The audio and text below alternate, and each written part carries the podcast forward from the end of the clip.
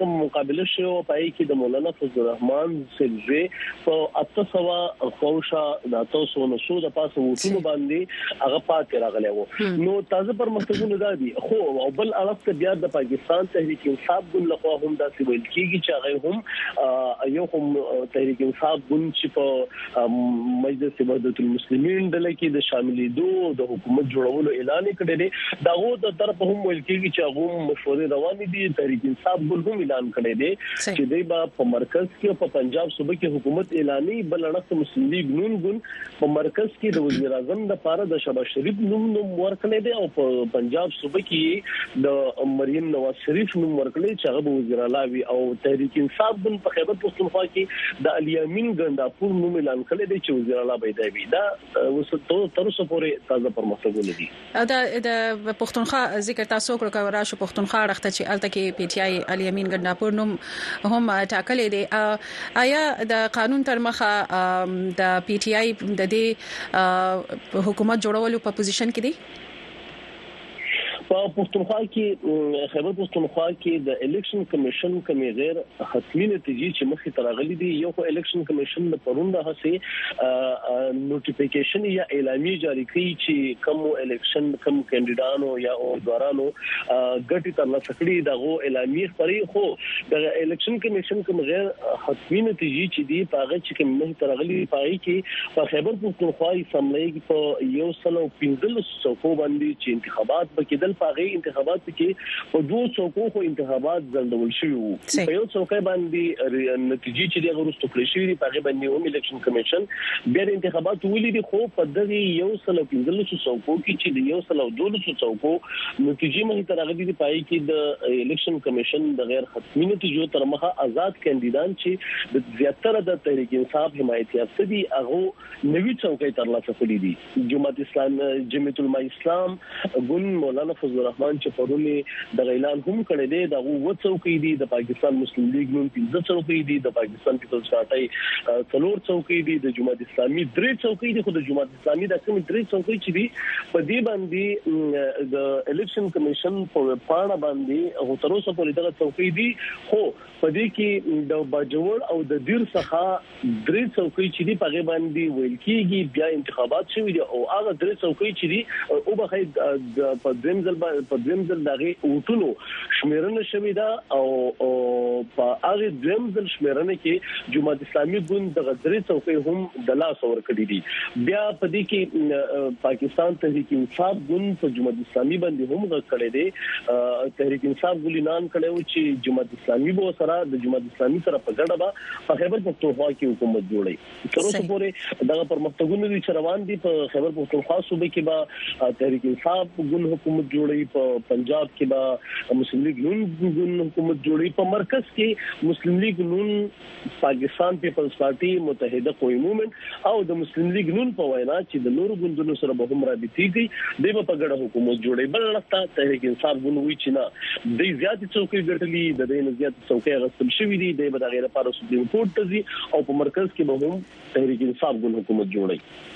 ډیره مننه ستاسو فضل عزیز د تازه معلوماتو راکولو څخه تاسو ته ښه ورځ غواړو. ډیره مهرباني مننه. ښه ورځ ولرئ اوریدونکو لیدونکو فضل عزیز د ډیوه خبريال را سره کراچۍ نه شریک وو د خبرونه کې او د تیر اونۍ تر سره شوی انتخابات عام انتخابات چې پاکستان کې تر سره شوی په دې اړه را سره تازه معلومات شریک کړل تر دې منځ چې دا خبرونه خلا دوام لري او که نور سره نوي معلومات راغلل هغه به هم تاسو سره بیا شریکو خو اوس په یو وړو کې د میته ورزو د مینه چې راشو نو تاسو پیغامونه به هم وړاندې کوو نور راپورونه هم لرو ټلیفونونه به هم اخلو خو ورزو یو وړو کې د میته زما د پوخ یقینو چې په ازادۍ او مرګ کې به ځان ته یو لار خوښوم ما ته پته وه چې که زه ځان د یو نه بیلوم نو بل به لازمن خوښوم که بل څوک یې کوي او که نه تهی کار صحیح د هر انسان ژوند باید د بل لپاره یو مثال جوړ سي د هر عمل یو عکس العمل ضروري د انسان لاس ته هغه څه راځي چې څه یې کړي تاسو هم بدلون راوستی سئ تاسو هم بدلون راوستي شي تاسو هم بدلون راوستي شي دا ټول په یو وخت کې عادي خلک وو خو د نورو په ژوند کې یو لوی بدلون راوسته که هغه وړوکی وي او که غټ تاسو هم دغه بدلون راوستلی شئ بیبي شیرینا د هفته و ورځې د پاکستان په وخت د سهار شپږنیمو نه تر د اتریمو بجو پورې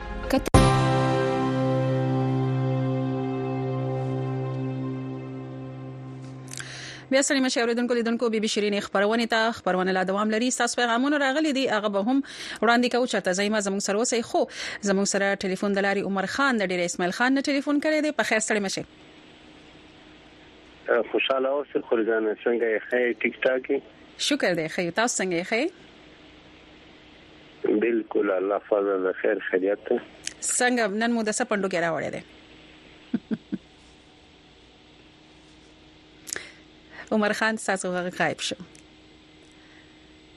غږ مو ناراضي عمر خان صاحب تاسو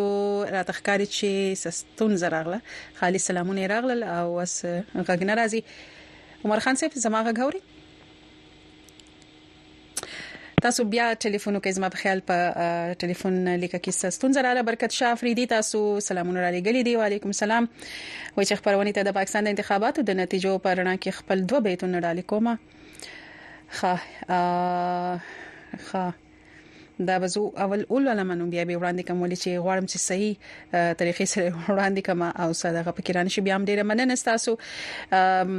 هاروت افریدی تاسو وایی چی زما پیغام نه خپروی دا ولی تاسو صرف سلام را لګلی داسی خو بیا ډیر سلامونه راغلی دی نو بیا به زه د هر یو تن جلا جلا جدا جدا نوم اخلم ټول خبرونه په دې کې تیر شي تاسو پیغام ولیکئ څه پیغام ولیکئ چې د لوستلو وي نو بیا هم ډیره مننه مشرف خان د وزیرستان نه ټلیفون کړی په خیر ستړی مشي نازي چې خورجان ستړی ماشي مننه تاسو ستړی مشي څنګه یې خیر هاي خپل خیس تای شکر دی شکر دی سبا ویل غواړی نن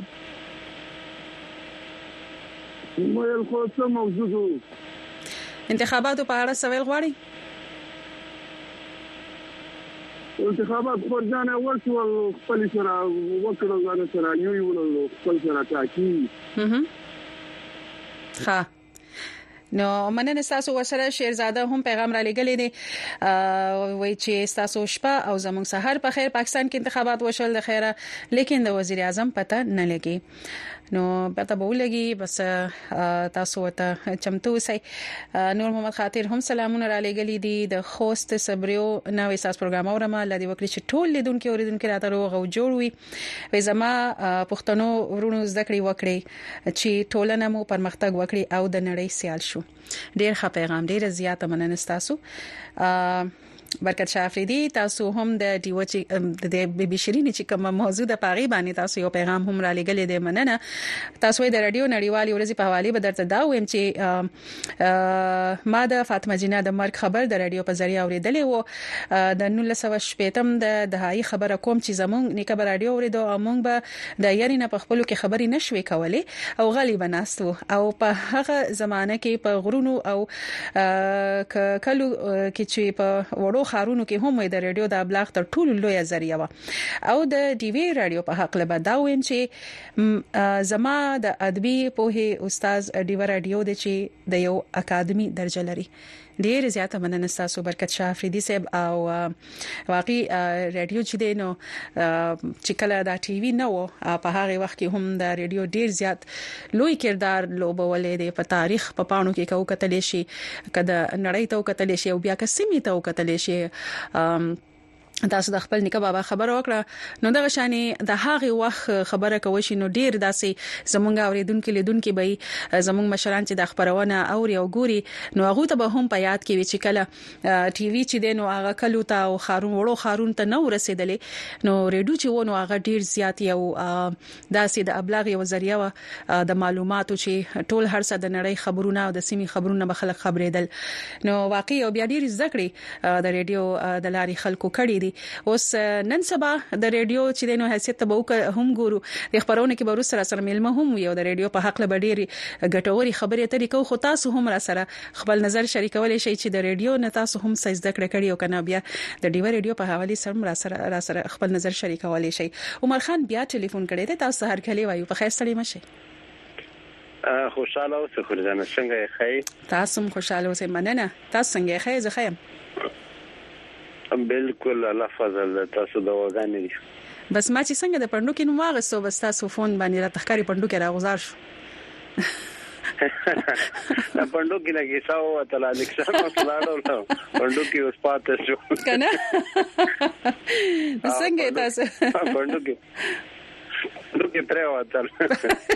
ما خو کې پندو کې چې د سر باندې دی خو دی او هغه ما ته د سې لکه تصویر شانته مخې ته راغی هغه ویډیو شانته چې هغه د سر نخ کته راټاو شو په لاس باندې په لاس کې موبایل و هغه لاړو کته بالکل بالکل چې کوم زما زما د سوچ کې سوي یا زما په غناوې نه مختلفه نتیجې راغلي نو پندو کې ترې واسه او پندو کې خالی دي ترې واسه لکه مطلب دا دی چې پندو کې هم کنفیوز دي چې دا څه دی په دوه کې اړیان دي بالکل سنم یو بسم الله جان می د سنوي بسم الله کاکړ بلوچستان او سره بسم الله کاکړ نو هغه د ګرانې خبره کوله هغه ته پته نشه چې مولانا صاحب د ګرانې د لاسه بلوچستان ته لاړو نو بس سو وایو نه دلته ګرانی و او کله چې چلته ورته ارزانی ملاو شي نو ګرانی هټول پاکستان کې دا هر یو ځای چې د ګرانی نه هر یو تن چې نو فریاد کوي دا ګرانی چې دا یا اقتصاد د ستونزې چې دا د لوی چیلنج د نوي حکومت لپاره په ډیرو چیلنجونو کې یو لوی چیلنج خو اقتصاد دی دا زی تراويستل د بجلۍ قيمتونه دي د پټرول قيمتونه دي د تيل تيل قيمتونه دي ډالر قيمت دي نو دا ډير شي چې زنه دي ډير ارڅ دي چې نوي حکومت په سره مخامخ وي بالکل د زنه خلک عام خلکو دا سوچ ته چې دا په درې سالور میشته کې به سو غړي برځان شي چې نه برځان شي نو دا د لږ وړه خبره نه ده چې دا زه لږ وخت به راځي ته به ټیم لګي او بیا به د خلک د حکومت نه ګیله کوي چې ما هوټ درکړه و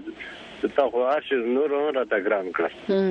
همیشه چې یو حکومت راشي نو د رومبي سل ورځې ډېری مهمه وي خلک د رومبي سل ورځې ته ګوري چې لکه کمی مهمه فیصله به کوي ساو مخې ترازي او بل دا چې پلندو باندې بجټ هم دی بلکل بلکل نو د خلکو تمې دي خو چې ملک به دا ولا قرضه ده نو چې قرضه ده نو قرضې بلندوي که ملک به عوام به خوشاله وي به د حکومت ډېر د مشکلاتو سره مخامخ دی او غلطه پالیسي زموږ مشرانو جوړ کړی نه غي نتیجه اوس دا انګلیسي وتله بالکل د حکومت چې کوم پالیسيانې دي هغه ډېرې مهمه دي ګورو چې هغه به څنګه پالیسيانې مخې ته راوړي عوام دوست به وي او که څنګه نو مسلمانې خو صرف د روډونو د کارخانه اکثر هغه منشور دا وی چې دا جوړول وکړي نو یو دا په عام غریب ولس باندې د خاص اثر نه چي ځکه چې غریبانو خلک کارخانه دي چې جوړول صرف مزدوري کولای شي روډونه چې کم جوړیږي نو هغه ټیکاداران مالداران خلک یې خلی کما د پیپل پارټي منشور دی نو هغه په زمیندارانو باندې دی زه پیپل پارټي نه یم خو اسی کا د غته وګوره چې کوم منشوري دی نو هغه زمیندار یا غریب خلک په هغه باندې د عمران خان د چې کوم د سیاد کارت وو په دې باندې خلکو خوشحالي چې یو سړی به 15 لک یا 10 لک روپۍ به نو ور سره جګه پرېشن پکو کوله او عام ولس ریلیف لکه ورکړی یو په دې طریقه باندې لکه دا تاسو ول غواړي دا بالکل بالکل دا یو ارشه خبره ده اوس لکه دا احساس پروګرام چې کوم دی نو دا یو زنانه کوي او یو ځای ته لاړ شي څو صرف یو ګوته خپل ولګوي نو هغه چاته تصدیق کولو څه ضرورت نشته نو هغه ته پیسې ملاو شي دا یو د غریب کورنۍ لپاره ډیر څه دي روزګارونه څومره مهم دي عمر خان صاحب روزګارونه اړه ته کرا شو چې خلک خلکو د لپاره روزګارونه وي په سیمه کې څوک به روزګار نه وي او کوم ډیګري یا کوم زده کړې ترلاسه کړي د حق ورته چې دین روزګار هم وی لاسرسي او تلري بالکل بالکل روزګاری خو حد نه او هغه خواته ده نو چې کوم اکثر زموږ ته د ملک زموږ په ملک دا دستور دی چې دا چا څوک کورنۍ نه څوک او سر پاتې شي نو هغه بیا هغه خپل خاندان وراري روري ویزوي وی هغه په نوکرۍ باندې لګوي چې کوم حقدار خلک وي هغه محنت کړی وي نو هغه بیا بې روزګاره پاتې شي او کله یو دفتر کله یو بل دفتر په دې باندې ګرځي او چې کله بیا د ډېر راوي بیا غنه د پیسې غوښتنه کولای شي چې موږ ته دومره پیسې راکړه د بنوکرۍ ملو شي نو د چا سره بیا غریب سړی سره دومره پیسې ویني چې په لکونو روپۍ ورکړي نو دا زموږ د ملک به بختی به وایي چې دا د کرپشن کرپشن چې کومه او د کرپشن دا مسله د استون چې دا هم یو لوی چیلنج دی د نوي حکومت لپاره چې کوم جړی نیولې دي د کرپشن خاتمه شول اقتصاد سمول شو روزګار پیدا کول شو د ځوانانو لپاره د میرمن لپاره ماشومان لپاره ټول لپاره دا کارونه چې ډیر زیات مهم دي ډیره مننه تاسو مرخان صاحب ته ټلیفون کوم ډیره مهرباني ډیر خوشاله اوسئ تاسو هم ښه ورځ ولرئ اوریدونکو لیدونکو را بشو بل ویډیو راپور ته تاسو پیغامونه راغلي دي ما تخکاری په فیسبوک باندې په یوټیوب باندې ولولم په چې د ویډیو راپور نه راشم تاسو چرته زېما زموږ سره اوسې را بشو د ارشد حسین د دیو خبريال راپور ته چې د اسلام آباد څخه را لېګل دي که څه هم د پاکستان تحریک انصاف ګوند حمایت یافته آزاد امیدوارانو په اوسنی انتخاباتو کې د نورو ګوندونو پرتله د قامي اسمبلۍ زیاتې څوکۍ ترلاسه کړې دي خو قانون پوهان او سیړونکو وایي نه غني چې نه غني چې د دې اثر به د پخوانی وزیر اعظم عمران خان په مقدمو او سزاګانو وشي نور تفصيل هم په دغه ویډیو راپور کې وګورئ قانون پوه ارشد حسین یوسفزی وایي چې په قومي اسمبلی کې د پی ټی آی د حمایت یافته غړو د لوی تعداد باوجود به عمران خان په عدالتونو کې مبارزه کوي کوم د پی ټی آی کاندیدټس کې الیکشن غټلې دي نو د دې هو کو چې قانوني حیثیت په کیسونو باندې یا دغه په اکوټل باندې یا په کنویکشن باندې بني خو دا دا چې داغه کنویکشن چې کم دی دا پلیټ فارم کې چیلنج شوی دی نو هغه د اپلیټ کورټ عدالت به ګوري چې آیا د خلاف چې کوم دا کنویکشن پاس کړی دی ټرایل کورټ آیا دا ایویډنس اډمیټیبل ایویډنس دی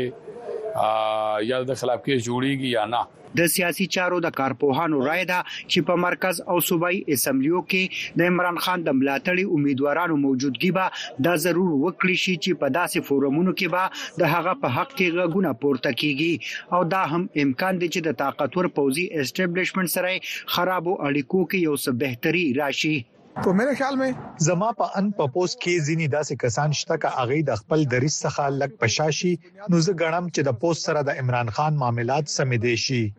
تېره ورځ سپریم کورټ کې د مطبوعاتو سره خبرو کې د پاکستان تحریک انصاف ګوند مرستیال چیرمین او د قامي اسمبلۍ نوي منتخب شوي غړي سردار لطیف کوسا ویلي وو چې د ملکي انتخاباتو له نتیجو څخه مقتدر حلقو او عدالتونو ته یو واضح پیغام رسېدلی دی او باید چې عمران خان پر ضد جوړې مقدمې ختمې کړې شي او هغه دې په سملاسي توګه خوشې کړې شي. قانون پوه او د سپریم کورټ بار اسوسیویشن پخوانی صدر عابد شاهین زبیري وايي، د پخواني وزیراعظم عمران خان سزاګانې یوازې ستر عدالتونه د اپیل د لارې ختمولی شي او چې کله اپیل دایر شي، نو اپیلیټ عدالت به ګوري چې هغه ته اورول شوې سزاګانې د آئین او قانون مطابق دي.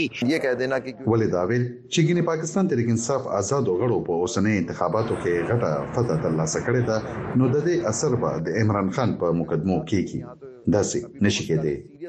ورځپاڼه ډان د سرچینو د قوله وایي چې د لاهور پولیسو په انتخاباتو کې د منتخب شوو د نهه مۍ په پیښو کې د ککړو اشتهاریانو د نیولو لپاره تګلاره جوړه کړې ده په دغه کسانو کې د پاکستان تحریک انصاف ګوند نوې منتخب شوی آزاد غړی اسلم اقبال علي امین ګنډاپور او امتیاز شیخ شامل دي څېړونکي دا هم وايي چې په پاکستان کې د اېن ار او د لارې د سیاستوالو د سزاګانو د بخښل کېدو روایت موجود دی او د پخواني پوځي آمر او صدر پرویز مشرف په واکمنۍ کې د پخواني وزیراعظم مې بېنظیر بټو په ګډون د زیاتره سیاستوالو سزاګانې معاف کړې شوې وې او د هغوی په قول څه موده وړاندې د اسټبلشمنټ سره د ډیل وروسته د پخواني وزیراعظم نواز شریف ته هم په یو شمېر مقدمو کې خلاصي ترلاسه شوې ده.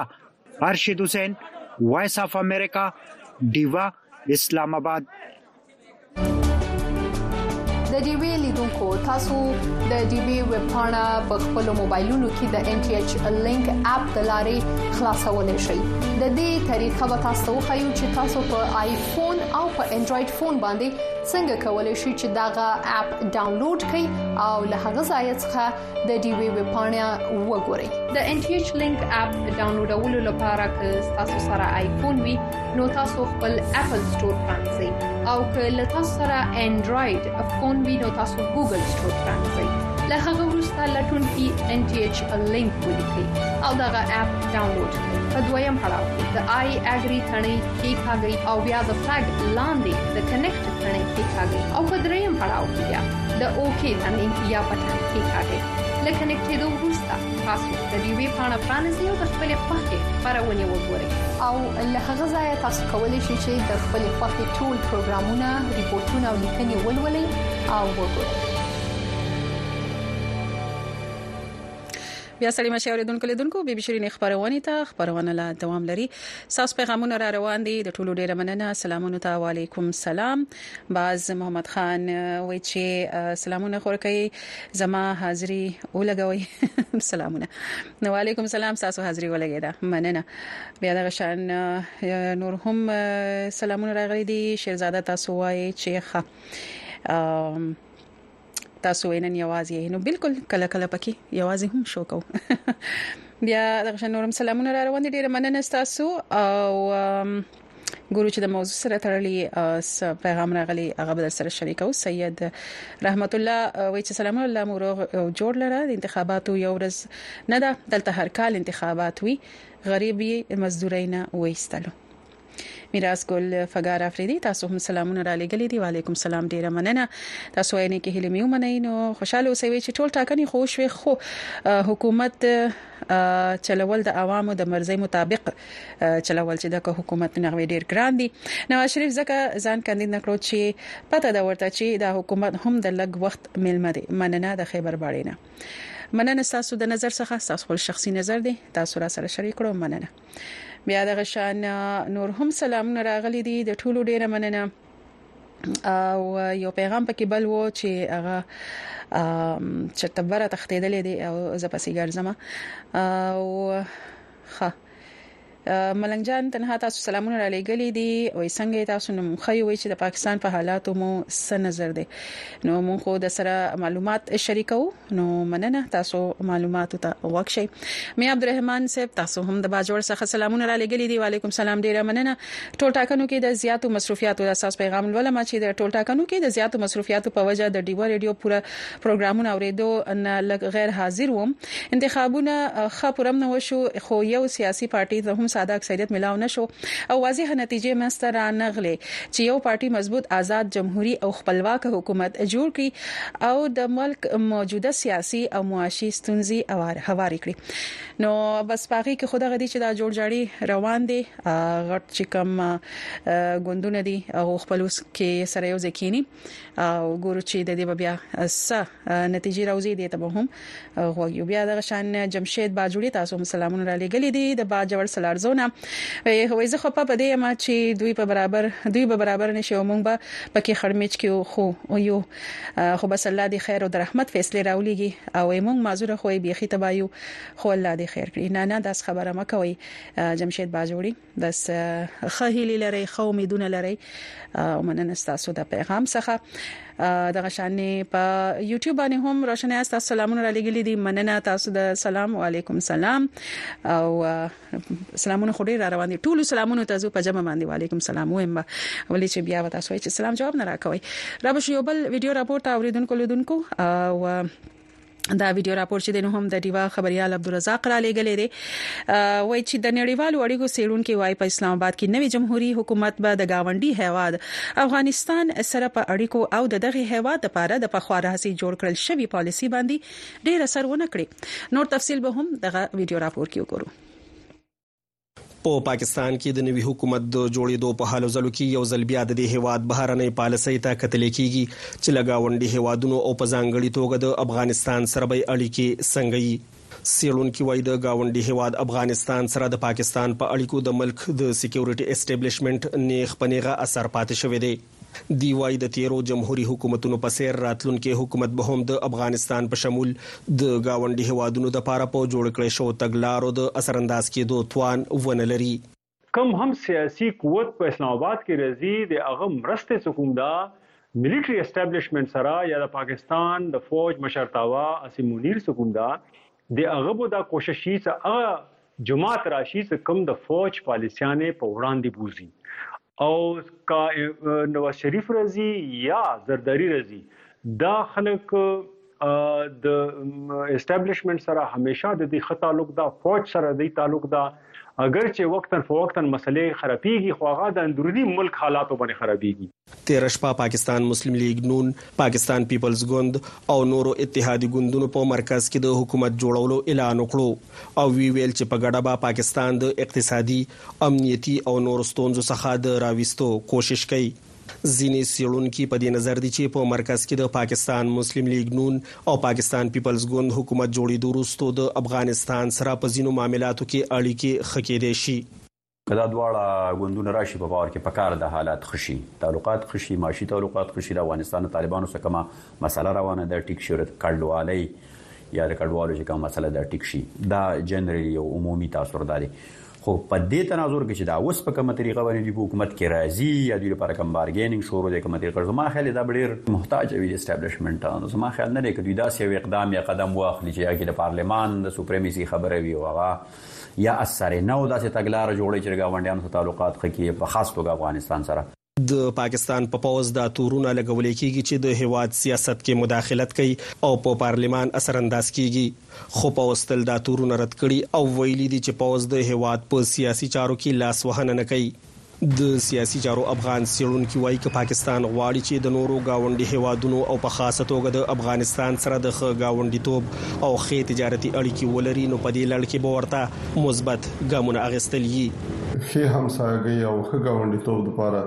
هم ایران لېواله دی، هم مرکزي اسیا، هم چین، هم روسیه او د هند په شمول باندې د ښه ګاونډیتوب د رامنځته کولو لپاره شرایط برابر دي. ولې دا په پاکستان پورې اړه لري چې د دغه خګاونډیتوب لپاره دوی څه رقم کولای شي یو ښه ستراتیژي او د افغانستان په چارو کې د نه لاس وهنې ستراتیژي جوړه کی او دا غي د عملي کولو لپاره ګامونه واخلي د افغانستان تیر حکومت په تیرو شاوخوا شلو کلونو کې پرله پسې په پاکستان باندې د خپل هیواد په چارو کې د لاسوهنې او د وسلوالو د ملاتړ تورونه پورې کول خو پاکستان دا تورونه بیا بیا رد کړي او اوس پاکستان تور لګوي چې د ټي ټي پي وسلوال په افغانستان کې د پاکستان په ضد حملې پلانوي خو د طالبانو حکومت دا تورونه رد کړي دي. څېړونکي وايي، که چېرې د پاکستان او افغانستان ترمنځ تعلقات ښه او د عسکریت په ځای سیاست مخ پر وړاندې ځي، نو دا به د دواړو هېوادونو ترمنځ د تجارت ښه کېدو ترڅنګ د منځنۍ اسیا منډۍ ته د پاکستان د مالونو رسېدو لپاره هم لاره هواره کړي. عبدالرزاق، وایس اف امریکا، ډیوه، پېښور. د بدلون په وخت کې کله چې نړۍ د غیر یقیني سره مخامخ کاری او کله چې موږ ساورو هغه هغه شان نخ کاری چې څنګه وینو موږ د اړتیا ولټون کوو موږ ته چې کله نیمګړی قصه ویل کیږي موږ پر باور بیلو د کڑکېچ په شیبو کې زموږ خوبونه امیدونه او د غوړه سباوند لپاره زموږ ارزوګانې آزادې میډیا ته اړتیا لري په وایس اف امریکا کې مونږ تاسو ته داسې خبرونه راوړو چې د قتل لپاره خلک د خطر سره مخامخ کوي مونږ نړۍ سره یو ځای کوو او اړتیا سره پیوست کوو په وایس اف امریکا کې مونږ تاسو ته پوره عکس درخایو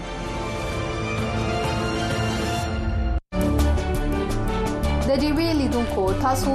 د ډي وی ویب پاڼه په خپل موبایلونو کې د ان ټي ایچ لینک اپ د لارې خلاصولای شئ د دې طریقه به تاسو خو چې تاسو په آیفون او په انډراید فون باندې څنګه کولای شئ چې داغه اپ ډاونلوډ کړئ او له هغه ځای څخه د ډیوې ویب پاڼه وګورئ د ان ټي ایچ لینک اپ ډاونلوډولو لپاره که تاسو سره آیفون وي نو تاسو خپل اپل سٹور پرانځئ او که له تاسو سره انډراید فون وي نو تاسو ګوګل سٹور پرانځئ له هغه وروسته لټون کې ان ټي ایچ لینک ولیکئ او دغه اپ ډاونلوډ کړئ په دویم پړاو کې د آی اګری تڼۍ کې کاږئ او بیا د فلګ لاندې د کنیکټ تڼۍ کې کاږئ او په دریم پړاو کې بیا د اوکی تڼۍ یا په کېکاږئ. له کنېکټېدو وروسته تاسو د ډیوې پاڼه پرانیزئ او د خپلې خوښې خپرونې وګورئ. او له هغه ځایه تاسو کولی شئ چې د خپلې خوښې ټول پروګرامونه، ریپورټونه او لیکنې ولولئ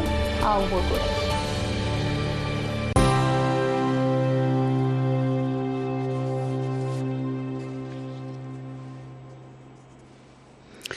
بیا په خیر راغلی اوریدونکو لیدونکو بي بي شيرینې خبرونه لا دوام لري او خبرونه دویم سات پیل شوې دي او په دویم سات کې څنګه چې تاسو ته پته چې په خپل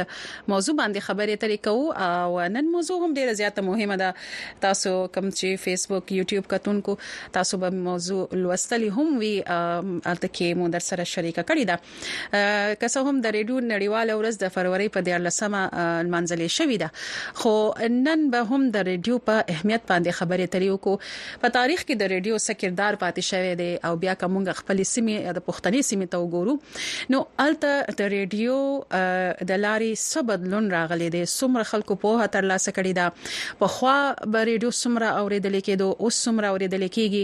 نن سبا چې کومه دا جدید ټکنالوژي راغلي ده چې کوم پکې د سمارټ فونونه هم شامل دي لپ ټاپ هم شامل دي سمره چې دا نوې ټکنالوژي راغلي ده نو د دې سره د ریډیو اهمیت آیا کم شوی دی که نه دی کم شوی او سمره خلک اوس کم شوی دي لکه د ریډیو د اوریدونکو چې دغه کم شوی دي موږ خپل سیمه ته وګورو په خاصه توګه هغه لری پرتې سیمه بیا قبایلی سیمه چرته چې رادیو یوازینی ذریعہ ده چې خلک ته د نړۍ او د سیمې معلومات ترلاسه کول شي تازه حال نه خبرې دي شي نو د دې ټولو مواردو د بکتنه کو تاسو هم را سره خپل نظر شریک شریک کړئ او د رادیو په حواله سره چې سمره د یو د ابلاغ د یو ذریعہ چې پکې رادیو شامل ده دا تاسو په ژوند کې څه بدلون راوستي دی بیا د ټي وی رادیو په حواله سره تاسو خپل نظر را سره شریکولی شئ ولې چې ډیر وخت راځي تاسو ډیو ریډیو هم اوري او ګوري اوس خو په خو خو بیا د ډیو ریډیو خو ډیر زیاتې داسې ګنټه وی چې تاسو باورېدلې که څه هم هغه کې کمی راغلی خو بیا هم تاسو اوري نو اوریدونکو لیدونکو خبرونه کې به نور هم خبرې اترې کوو او تاسو نظر چې وخت په وخت سره په فیسبوک او په یوټیوب شریکوي هغه به هم وړاندې کوو کوم موږ سره به میلمه هم راځي تاسو ته به د میلمه تعریف تعارف هم وکړو اکبر هوتی صاحب چې یو براډکاسټر دی یا د ریډیو خپل پروګرامونه لري ورسره یو وکیل دی قانون پوه دی او ورسره په سیاست په حواله سره هم یو ډیر جوړ نظر لري په ډیوه سره وخت په وخت په خبرونو کې راځي هم خو به بي شيرين کې را سره زما سره چې دغه په دې خبرونه کې ډومبه ځل را سره ګډون کوي بلکې راغلي هم د دې خبرونه تاسو ته هر کلی وایو په خیر سره مشه رضیات مننه تاسو د کور ودانی زمونږ چې کوم اوریدونکو دي نو هغه دې مستړي مشي ډیر مننه تاسو چې موږ لم دا مقرره کړ چې موږ د نننې موضوع په ولبانې خپل څه خبرې وکړو ستاسو ډیره مننه اکبر هوتی صاحب چې د خبرون لپاره تاسو وخت راو باسو او د چونکه تاسو په خپل ریډیو سره منسلک یو تیر سوال سکالو راهسي تاسو څنګه چې تاسو ویلې چې تیر سوال سکالو راهسي تاسو په ریډیو سره منسلک یې کومګه راشو د ریډیو په خوا د ورته کوو ګورو دا غینه کومګه شروع کو بیا به د جدید دور ته روسته ورته راځو په خوانې دور ته تاسو کتنه وکړئ نو څنګه به سیړی د ریډیو ډیر مننه ډیر ښه سوال تاسو کوه څه خو د ریډیو چې کوم خپل عمر دنو هغه زما په خیال څه د سلو کالو نو اوریدلې ځکه چې په نور لسو کې یعنی په شلمه صده کې با کده توګه چې کوم د ریډیو آغاز شو کوم چې غګلیل مو مارکونی چې د دې ایجاد کو بیا په د دې نه پس چې کوم راغلي نو زمونږ هند ته پړمبني ځل باندې په 1913 کې ممبئی پړمبني ځل چونو رادیو ترانسمیشن راغی او بیا پښتونخوا وطن کې چې په 1915 کې په خبر چې کوم ترانسمیشن بیا شروع شو او دا د دغه موجد د مارکونی تخپوه چې دا هغه وخت کوم گورنر و د صوبې سرحد په خواني اوسنۍ پښتونخوا نو هغه دغه په لاس باندې پټاو شو دا هغه نه راځي خو چې مونږ د ریډیو د سرکلین تاریخ ته ګورو نو په ابتدایي دور کې خو د زرای ابلاغ چې وینو د دې قسمه داسې موثر ذریعہ نه وي دا پرنټډ میډیا بو اخبار بو جریده بو وبم ډیره کمتله خلک دومره تعلیم نه لرل چې هغه دې لسته کوله نو هغه کې واحد داسې ریډیو یو ذریعہ را لچې دا په مختلفو شوبو کې د خپل کردار دا کو یعنی شعور بیدارولو کې معلوماتي پروګرامونو کې تفریحي پروګرامونو کې د موسیقي په حواله باندې یا چې څومره د جون شوبې دي ایون د کرکې دې په حواله باندې نو دا یو داسې دغه و چې دا به د دې خو ما چې څومره مشرانو سره ناشته کړې دي هغه دا و چې به چرته په کلی کې به په ابتدایي دور کې ریډیو په وجره کې به ریډیو لګېدلې وو خلک ورته راغونډو وغیبه هغه پروګرامونه چې دي نو مختلف قسم پروګرامونه جوړېدل د دنیا د حالاتو نه خبرېدل هغه کې دا و چې په هغه وخت کې د دنیا حالات سیاسي حالات داسې و چې هغه نه به خبرې دلو خلکو به دي اکثر په کلی کې په یو کور کې دا ریډیو و په دا ټول د کلی د خلک پوتره غون شوی کنه دا کور خلک هم د کمه چې ابو جره کې بچر ټول خلک ورته راټول و دی ورته وګو او هغه بچی نو هغه ته به مې هریانو چیرې دا څنګه د امریکا دا خبره دلته څنګه را رسی او د برتانیې دا خبره څنګه را رسی او د ماسکو دا خبرې دلته څنګه دا هم د حیرانتیا خبره وه خلک شاته دی به وایي په تعلیم هم کمی او دغه مو او اکثر چې د بهر بهر نه څوک راتل نو ورته به چې مال د بهر نه د ځان سره ریډیو راوړه د کنن سبا چې د موبایل فرمایشونه کیږي بالکل همداسې و چې د ریډیو به چرته وو زه دا خبره کوم دي چې کله دا والونو ول رادیو لکه د کې مختلف قسمه د رادیو شکلونه راغلي دي کنه هغه به تاسو چې اوټ رادیو وو په میز باندې به پروت او دا غیر پر به چې زمونږ د کور کې به د زنانو له خپل پوشاک هم جوړ کړو هغه ورته چولیو او پاره به ستاره وي دا چې په تیر وختونو کې چې څومره ما اوریدلې د مشرانو نه او دا چې چور په ډیر دغه کنزرویټیو بو روایت پسند مو یا به غدا چې زونه د د جدت نه مننه هغه بیا د مخالفت هم کو چې دا سکت نه راغلی دا خو وخت وخت سره د ریډیو کې دومره طاقت او زور و چې د پرې خلکو باندې ځان اومنه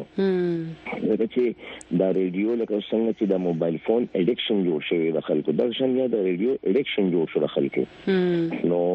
د ریډیو چې کوم ابتدایي کردار او د د دنیا د نړۍ د حالاتو نه خبرول او ورسره ورسره بیا چې دی نو د میرمنو لپاره د ماشومانو لپاره پروګرامونه کول بیا د زمیدارو لپاره بیا د کسب کوونکو لپاره نو د دې چې دی نو اهمیت ډیر زیات شو د خلکو په ځان بیا که تاریخ پاڼو ته وکتل شي اکبر هوتی صاحب په خاص توګه چې کله د نړیوال جنگونه وو په هغه وخت کې د ریډیو ډیر لوی کردار چې خلک به د نړیوال جنگونو د حال نزان خبرول لپاره دی ریډیو ته بناسو چې حالات کوم زی ته ورسېدو نو کومګه دغه شانی وګورو دا لو انقلابونه که تاسو د نړۍ ته وګورئ د ریډیو د لارې کوم کوم داسې تاسو مهم داسې اړخ ته کتنه کوي چې د ریډیو د لارې هغه انقلابونه راغلي وي بالکل په منګ وګورو د هند چونکه دا خو د نولس سوه او څلوېښت نه مخکې دا هند او هند چونه په دنیا کې یو داسې ملک و چې د باندې د ټولې دنیا نظر و بیا چې څومره نړیواله علمي جنګونه شوي دي نو هغه په موږ باندې اثر او زموږ په هغې باندې اثر نو په دغه دوران کې چې د خلکو به ځان د ماسکو نه خبرو کو خلکو به ځان د آلمان نه خبرو کو خلکو به ځان د کم کم لوی لوی طاقتونو د هغې په منځ کې چې کم هغه جنګونه هم هم د دې ریډیو په ذریعه باندې اوس هم د هغه وخت مشران خو ډېر کم دي خو داسې اتیا کلنه مشر پنځه اتیا کلنه مشران وي چې موږ به د کابل رادیو نه خبرېدو موږ به د ماسکو نه خبرېدو موږ به چې دینو د د جرمن نه خبرېدو کنه نو هغه چې به موږ ته دا حل وی چې را دې ټیم کې چې دینو د چا لاس بر دی دې ټیم کې د چا لاس کته دی دې ټیم کې څه پوزیشن دی وسنه دی دا هغه وخت دا مشهور دغه چې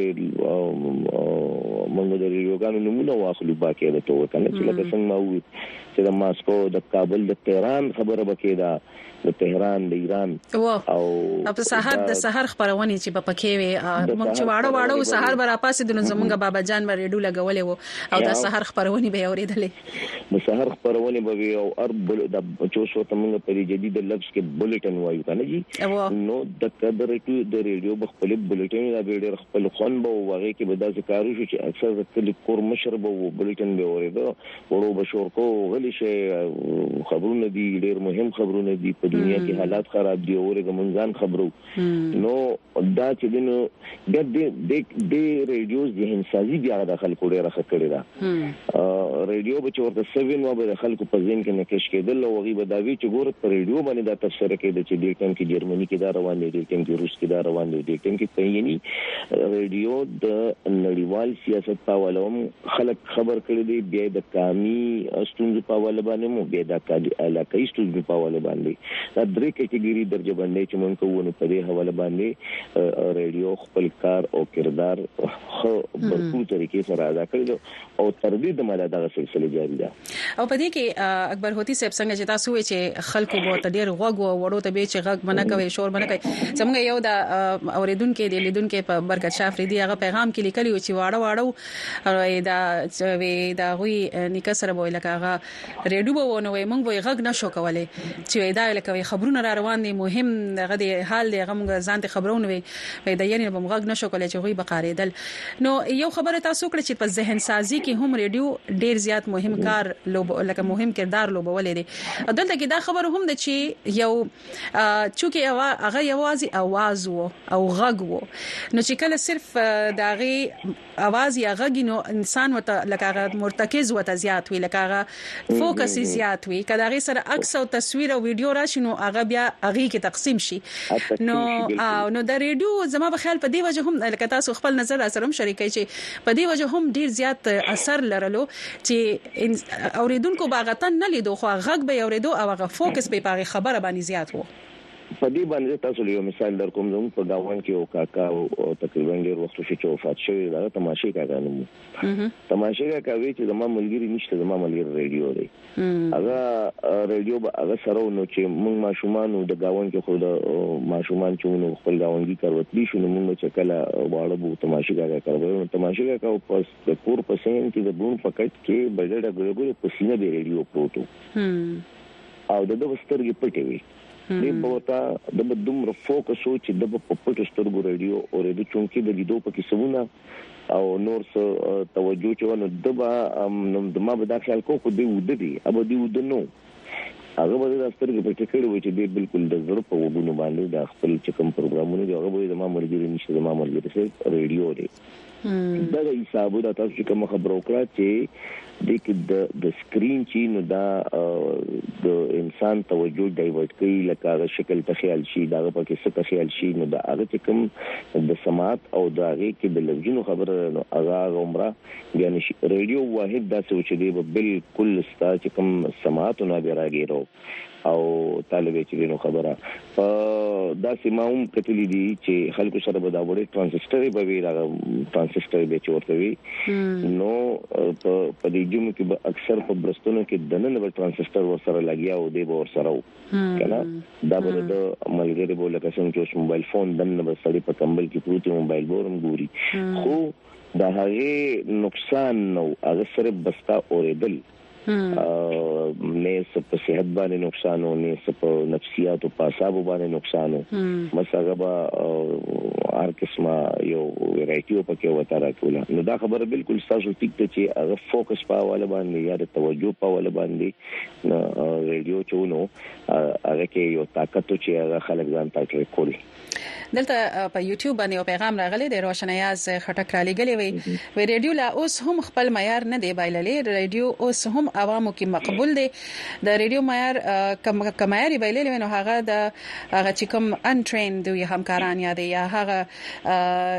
جرنالیزم دوی وای چې لکه په ځان لکه جرنالیست د ځان جوړ کړی وي لکه نن سبا دوی هغه یادې چې هر چا مایک کلاس کې نیولې وي جرنالیست وي د دوی به دې پيغام په رڼا کې يوه پوښتنه به دام وکړم چې اوس نن سبا د ټيکنالوژي ته که تاسو وګورئ هوتي صاحب هر چا په لاس کې څنګه چې تاسو وې چې څوک په ځان په برستن کې ملاس وي نو هم بس په ځان برستن راچولې او د وړو کې موبایل یا سمارټ فون غي نیولې وي کاغه پکې او یو کګوري بیا دغه شانې ټي ویان چې دین هغه هم ډیر زیات مختلف رنگونو سره وسراغلي دي بیا لپټاپ هم دي نو په دې هر سره سره په دې نوي ټکنالوژي کې ایا د ریډیو اهمیت کم شوی دی؟ یاره زه خو دا ګڼم زما په خپل چونکې د پښتونخوا ریډیو چې د خیبر پښتونخوا د حکومت د لارې چلیږي په 2010 کې د امیر حیدر خان اوتی سیب په دور کې چې کوم د عوامي نشنل پارټي حکومت په کې جوړ شو زه او په خپل د یو ریډیو براډکاسټر په حیث باندې دا خبره کوم چې د ریډیو اهمیت نورم زیات شوی دی بیا د میډیم ویو د شارټ ویو سره سره چې کله د اف ام چینلز رالل نو د نورم دا غي وجه دا ده چې اوس په ټوله دنیا کې د ټولو انقلابي پلیټ فارم چې کوم دی هغه مون سره سوشل میډیا ده بیا دا سوشل میډیا چې دا نو دا چې څومره د اف ام چینلز دی په خصوصي توګه اف ام چینلز به یاد کوم خاص کر وایس اف امریکا هم زوینم دی ریډیو هم وینم چې دینو دا سنور نو دا لین شو د سوشل میډیا سره دا بالکل لکه خبرونه چې کوم رواني څنګه چې دا په ریډیو باندې خلک په ریډیو اورین ور سره ور سره دا په سوشل میډیا باندې خلک ویني هم نو د خلکو دلچسپي نور هم زیاته شوه چې کوم هغوی به صرف اوازونه اوریدل اوس هغه شکلونه هغوی ویني او هغوی هغه کې نور هم دلچسپي زیاتیږي نو د سوشل میډیا په وجه باندې د ریډیو اهمیت چې نو نورم او لسنر نورم ډیر زیات پیدا شو ورته دای په مثال کې لکه زمونږ چې کوم پروګرام په ریډیو پښتونخوا چلیږي نو هغه اتوماتیکلی هغه په فیسبوک باندې لایم چلیږي په دغه لایف چلیدو سره چې زه یو یو زمون دوه قسمه اوریدونکو یو زمون هغه اوریدونکو چې هغه صرف ریډیو اوري هغه په وخت کې نیولي په دې کلو کې په دې ریموټ ایریاز کې د سره سره چې کوم ماډرن لسنر دي نو هغه د فیسبوک په لار زمون ویورشپ زیات شي هغه مونږ وو یو مونږ د کمنټ په شکل کې چې تاسو پر ریډیو دا وي تاسو پر ریډیو دا وي نو دا هم دا دمه خبر دی زمونږ دی رور د انټر نوکلنو بالکل هم دا څه د چی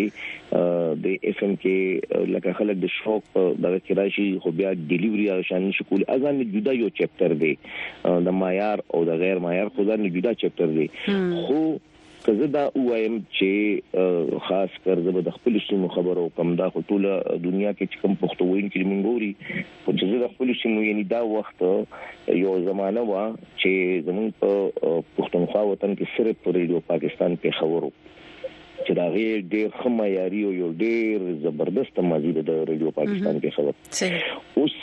زمونږ په مردان کې چې دی نو په تخبه کې زمونږ په مردان خار کې تقریبا 3 اف ام چینل کار کوي نو کو د رادیو ناکامونه بیا به دا اف ام چینل چې دا خو د رادیو شکل نه دی دا بیا نو زما خیال دا دی چې په 400 کې دی په مردان کې دی په سوابه کې دی داسې په جنوبي اضلاع کې دی په جنوبي پښتونخوا کې داسې خار بني چې التبه یو نه یو په رادیو په نجی سطح باندې چې کوم په پرایویټ توګه باندې نو د خبر مطلب دا چې رادیو چې د نورم په وسط مونږ دی او خلک یې اوري دلته د رادیو د اهمیت خبره کو نو دا یو پیغام امان زهیر کاکړ را لګلې دی وی چې زه په خپل وای ډیر په شوق رادیو اورم ولې چې وی د رادیو د کلیوالو سیمې خبر خبر خبرونه چې دین هغه نشر کوي او وی ځکه چې کلیوال خلک یې اوري او ځکه چی زمونږ علاقه کی داسی سیمی دی چی نه پکی بجلی شته نه موبایل او ځکه یی بیا خلک اوری او دغه شان خپرونو چی کوم معلوماتونه دی هغه ته تر لاسه کوی دلته کی د دغی دغه کمینټ چی کوم راغلی دی امان ظهیر کاکړ ده نو د ریډیو اهمیت په داسی سیمو کی بیا څومره دی چرته چی دوی څنګه خبره وکړه چی غره یزی سیمی دی کلیوالی سیمی دی هلته کی د خلکو لاس لاسرسی نشته چی دا چی کوم جدید ټیکنالوژی ده یا د معلوماتو ذرای دی نو لاسرسي وته نه لري نو په داسې سیمو کې بیا د ریډیو په اهمیت باندې به تاسو څه ویل غواړي او هم دا ورځ چې موږ خپل د بلکې کوم ذاتي تجربه او مشاهده په بنیاد خبرو کوم چې موږ به ریډیو نه پروګرامونه کول اکثر د شپې نه وخته نو موږ ته به د باجوړ د سیمینا یا د مومند د سیمینا یا د ورپسې داسې چې د قبایلی اوس چې زم ازلا دي زمونږ د پښتونخوا وطن د دې نه به موږ ته داسې داسې خلکو کال کول چې هغوی به بلکل دا خبره کوله چې دلته موږ ته د انټرنېټ مسله ده، موږ موبایل فون نه شو د هغې نه مزه اخیستی، موږ دلته نور داسې ټول زموږ سره واحد موږ سره رېډیو دی چې موږ ستاسو غږ اورو، موږ د پېښور نه خبر شو، موږ د اسلام اباد نه خبر شو، موږ چې دی نو د دې غېر چاپېر سیمو نه خبر شو. دا موږ یو پروګرام چلو هندارا پروګرام مو پاره کې ومنګا معلومات ورکول نو هغه به خلکو په شوق باندې روز ځان خبر کړل نه غیب دا خبره کوله چې دلته داسې قسمه د نتورک ایشو دا بلکې یو کس خبره کوله چې زه د افغانستان د بارډر سره نږدې په باجوړ کې یم او یو اداره کې مو کار کوم دلته صرف او صرف ریډیو زما بهترین ملګری دی چې ما د ارسنا خبرې نور رسو زراي نه لرم دا خبره بالکل ټیک ده اوس په دې جدید دور کې زموږ په پښتونخوا وطن کې دا سیستم دی چې التا د د 3G 4G د انټرنیټ د زراي الته نشته نو الته چې دینو بیا که سشته کې نشته نو الته هم د ریډیو ځان رسولې دي دا ريډيو چې د هغې لپاره چې دی نو د کتارسز او د هغې د دغه لپاره یو ذریعه ده د معلوماتو ورکولو لپاره یا د تفریح ورکولو لپاره یا د نور سیدونو نه خبرو لپاره د هغې لپاره یوازینی ذریعه هم دا ريډيو ده دا یو څو پیغامونه نور هم راغلي زم چې تاسو سره شریک کړم په یوټیوب باندې دا پیغام ناصر خان وزیر را لېګلې دي د سلامونه را لېګلې دي د وزیرستان څخه او دی دا وایي چې وای یقین وای سره درته وای وایم چې وای زمونږ یو ملګری دی او هغه چې وای که باتروم تم لاړ شي نو ځان سره ریډي وړي وای دومره زیاته مینه و سره لري او بل پیغام چې دینو محمد داوود امیری را لګلې دی او دوی وای چې سلامونه او دوی دا وای چې وای کله چې می نت کار نه کوي نو زما یو زړه چې دینو هغه د ریډیو د تاسو د خبرونه چې دنوې دا وای چې بیا د ریډیو د لاري اورم او خوند لري اخرمه دی وسره بیا دا ویلي چې زما لورګي شاکر جان هم وایي تاسو د خبرونه اوري او ګوري نو مننه تاسو چې تاسو لورګي هم ګوري نو دغه خبره ده چې لکه تاسو څنګه دا خبره وکړه چې نت کله کار نه کوي نو بیا وایي زه ریډیو اورم نو کومګه دغه د ټکنالوژي خبرې ته بیا راشو کنه اوس خو لا هم پرمختګونه پکې کیږي او ډیر خلک چې ته کینې ورسره خبرې ورسره کې تاسو به هم د ډیرو سره لکه دا بحث په دې اړه شوی هم وي په چې کله دا ټیکنالوژي ډیره جدید راغله نو هر چا به دا وی چې دا ریډیو چې دا بلمنځه ولاړ لاړ شي بالکل به ختم شي نو مخه ته چې کوم مستقبل خبره کیږي نو هم خلک د قوای چې مستقبل د ریډیو نه دی یا به ریډیو به ختم شي تاسو څه ګڼی چی واقعی داسی به یی چی په آینده کی که موږ راتلونکی څو کلونو خبره وکړو نو دا ریډیو چی دی دا به بیخی د نړی نه ورک شی؟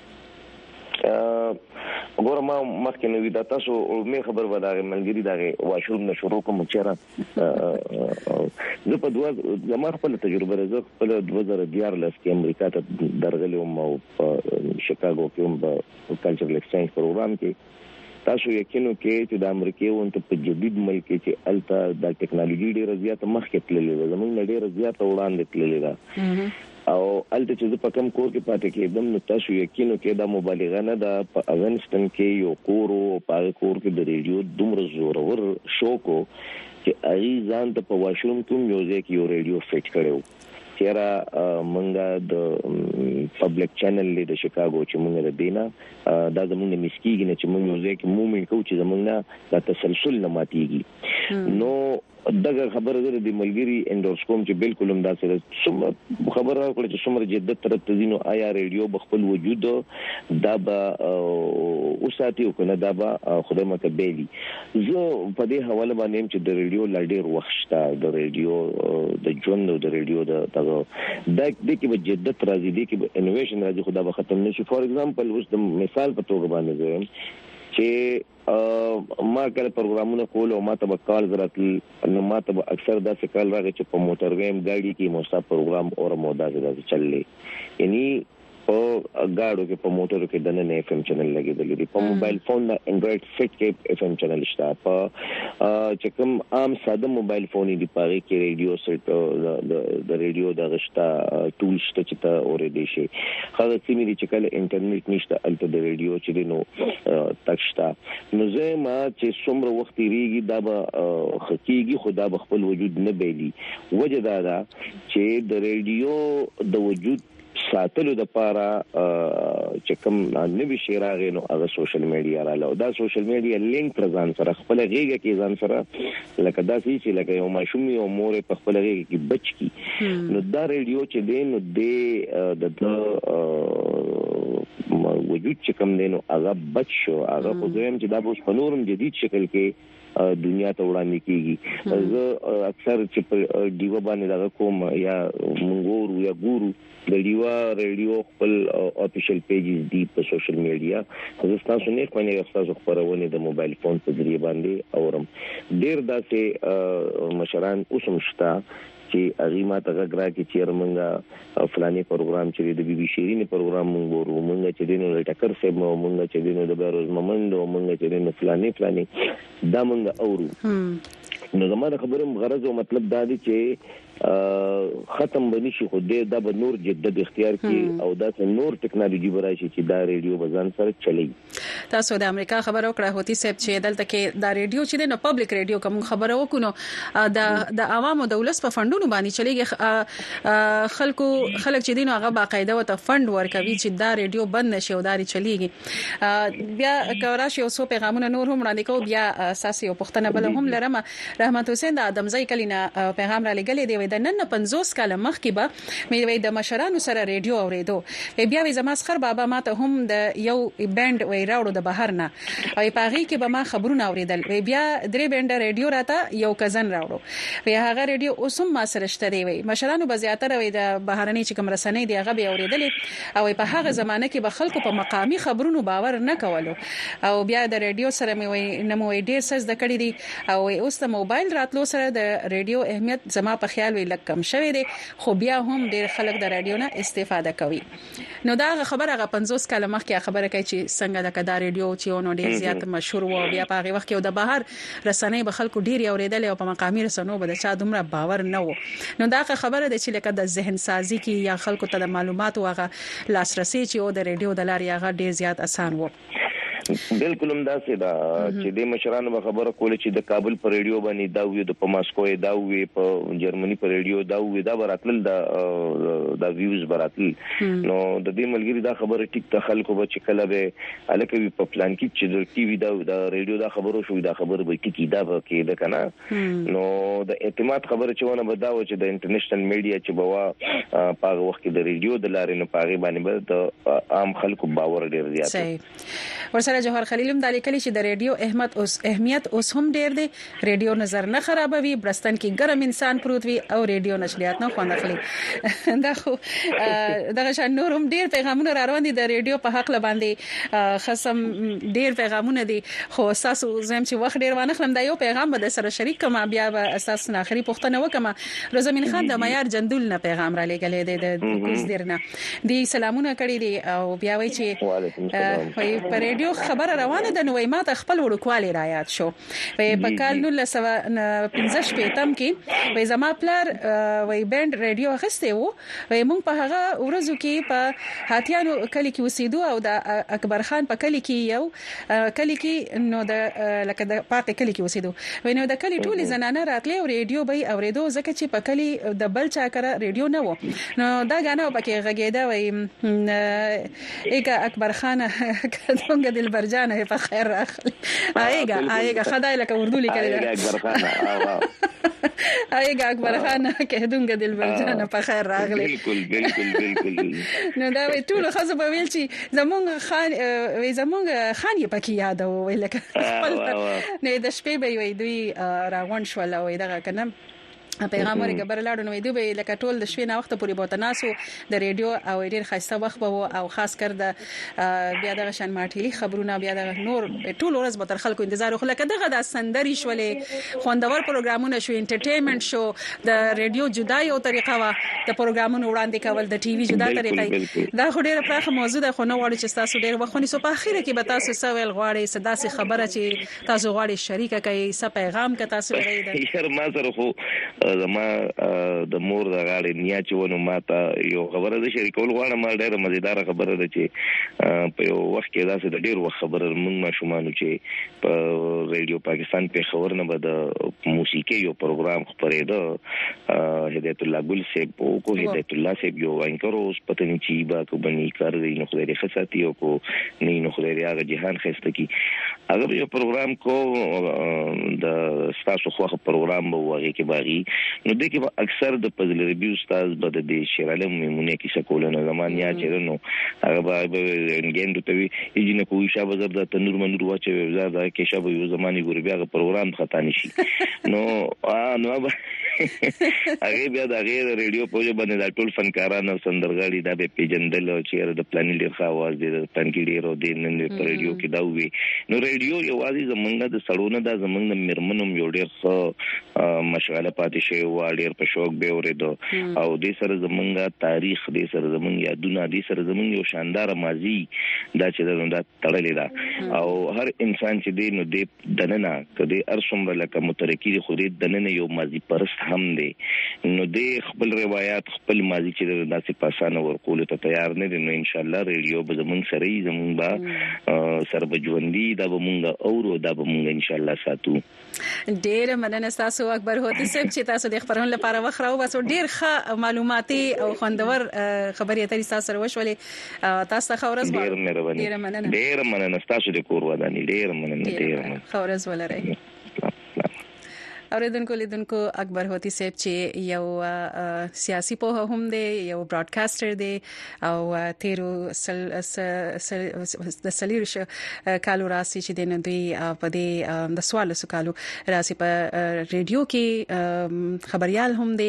خبرونه کې را سره ګډون وکړو او د ریډیو چې کوم په خواني وخت تیر شوی دی اوس نن سبا د ریډیو په حال او ټول اړخونو ته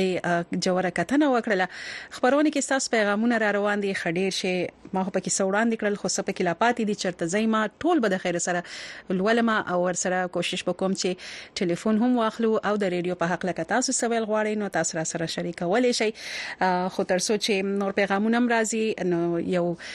ویډیو راپور ته پکې ورشو او چې د ویډیو راپور نه راشونو پیغامونه به هم ولو او ورسره ساس ټلیفونونه به هم اخلو نو را بشو د سعدیه قاسم بلکې فرید شینواری راپور ته باور راشو د ډیو خبريال فرید شینواری دا راپور را لګل چې د پاکستان الیکشن کمیشن د معلوماتو تر مخه 2023م کال په عام انتخاباتو کې د خبر پښتونخوا نه دوه خزینه په عمومو چوکو باندې بریالي شوې دي سیوډونکو وایي چې د خبر پښتونخوا اسمبلی په 115 عمومي سوکو او په 15 قامي اسمبلی سوکو باندې دوه خزینه غړي ټاکل کېدل حیرانونکي خبر دی نو نور تفصیل به هم په دغه ویډیو راپور کې به وګورو څېړونکي وایي په تیرو عامو انتخاباتو کې د کامي او خیبر پښتونخوا اسمبلۍ د پاره د پښتونخوا نه یوازې دوه خزې ټاکل شوې دي خو چې په اسمبلو کې د خزینه غړو شمیره څومره زیاته وي نو هغه مربع د میرمنو په مسلو غږ موثر وي اوس مسله یو بل هم ده چې صرف د زنانو الته کې ناستل ضروری نه دي د غي پوهه هم ډیره ضروری ده او بیا دا وی چې کم اس کم ک یو نه دوه شینو اغي هم یو بل لکه سپورټ ورکول شي یو بل لپوه هم ورکول شي نو افسوس خبره خو ده دله چې څومره اوازونه چې څومره خلک زیات شي زنانه زیات شي اقا عمره مسلې چې دي د غي نمائندګي د غي نشاندهي هم زیاتېږي خو زه چې دا دوم لاړې خدا چې لاړې خو کدینه نمبر زیات نو زیات وخو د پاکستان ټاکنو کمیشن د معلوماتو تر مخه په خیبر پښتونخوا کې په عامو انتخاباتو کې و نوي خزینه امیدوارانو برخه اخیستې و چې په کې د پاکستان تحریک انصاف ګوند په ملاتړ شاندانا ګلزار او سوریا بیبي بریالي شوې دي چېړونکو وايي زیاتره خزینه غړي د سماجی قدغنونو لکبله په عامو انتخاباتو کې برخه نه اخلي او نه هم په سیاسي ګوندونو کې رائے ته ځای ورکول کیږي ځکه چې دلته کې دونه سترانګ پیټریارکی دا دلته کې ویلیوز چې کوم دي د خزو لپاره هغه ډیر اپریس ویلیوز دي نو که په دغه حالاتو کې د خزو आवाज چې کوم دی کنه هغه په سیاسي پالیسیانو کې په سیاسي چې کوم دی کنه په د دې لپاره چې کوم ګامونه پورته کیږي په هغه کې چې کوم دی شامل نه وي د دې په ډېر غټ نیگیټیو اثرات چې کوم دي کنه منفي اثرات د خزو په امپاورمنت د غوي په معیشت باندې د غوي په صحت باندې د غوي په تعلیم باندې او په نور بلا د غوي چې څونه د غوي ضرورت په دې باندې به منفي اثرات راځي د الیکشن کمیشن د شمیرو تر مخه په څوارلس ضلعو او دریش د قامي اسمبلۍ په حلقو کې یوې ښځینه غړې هم په ازاده توګه انتخاباتو کې برخه نه ده اخیستې. څېړونکي وايي، تر څو چې په پارلمان او خیبر پښتونخوا اسمبلۍ کې ښځینه غړې نه وي، نو تر هغې یې ستونزو باندې خبره نه شي کېدلای. هغه یې اوسه پورې خو په داسې سیټونو باندې وزرولي چې کوم ځای کې پارټیانو ته پته ایجای بغټی نه نو هغه صرف هغه یو قسمه خانه پوری کوي چې الیکشن کمیشن ویلي چې 15% خزه پکارې دي نو هغه خانه پوری وي نو یو خو دی لا زنانال تک وبېلي دویم خبره دا سودا وکړه چې زنانه هم زنانه ولا ووټ نه ور کوي دا غي لوی مسله دا ده چې یو خو د زنانه او دومره خپل ازادي دا غي نه وی چې غي خپل واک نه وی چې غي په خپل دا سوچو کې چې موږ به ووټ چاله ورکو نو چې سو تا رو رو وي یا پلا رو وي یا زیو وي نو ووټ بیا غیاغلیا ورکړي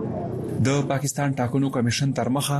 د خیبر پښتونخوا اسمبلی په 115 څوکیو باندې د 15 ضلعو او شپېتو حلقو نه یوې ښځینه غړې هم په ازاده توګه په تیر عمومي ټاکنو کې برخه نه ده اخیستې فرید شینواری وایس اف امریکا ډیوه پېښور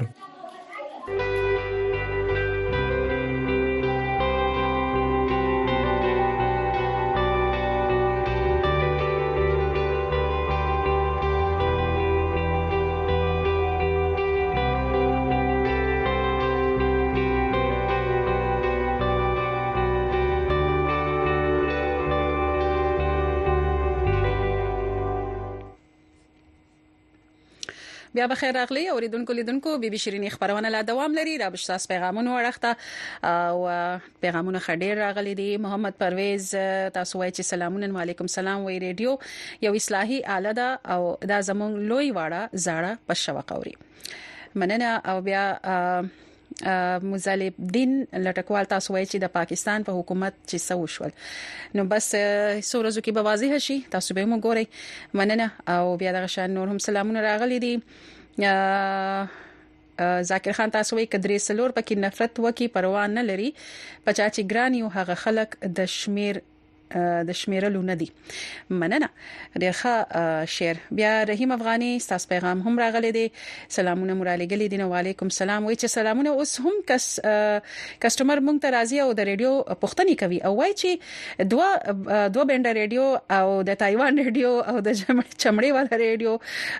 پښتنه هم وای غواړي غواړي نوې دا نه معلومه شو چې خپل معیار ساتلی دا اوس هم کسٹمر لري او بل مونږ ته چې کسٹمر راشي نو سیلونه اخلي وای چې خسل راکړه چې ریډیو ته ریډیو ته ولګم نو مننه تاسو زموږ سره ملک علي مرجان صاحب دی په خیر سره مشه د ټانک نه السلام علیکم وعلیکم سلام ملک علي مرجان صاحب څنګه لخی تاسو ټیک ټاک کې مګر څه غوړ ستړي مخینه خو بالکل یې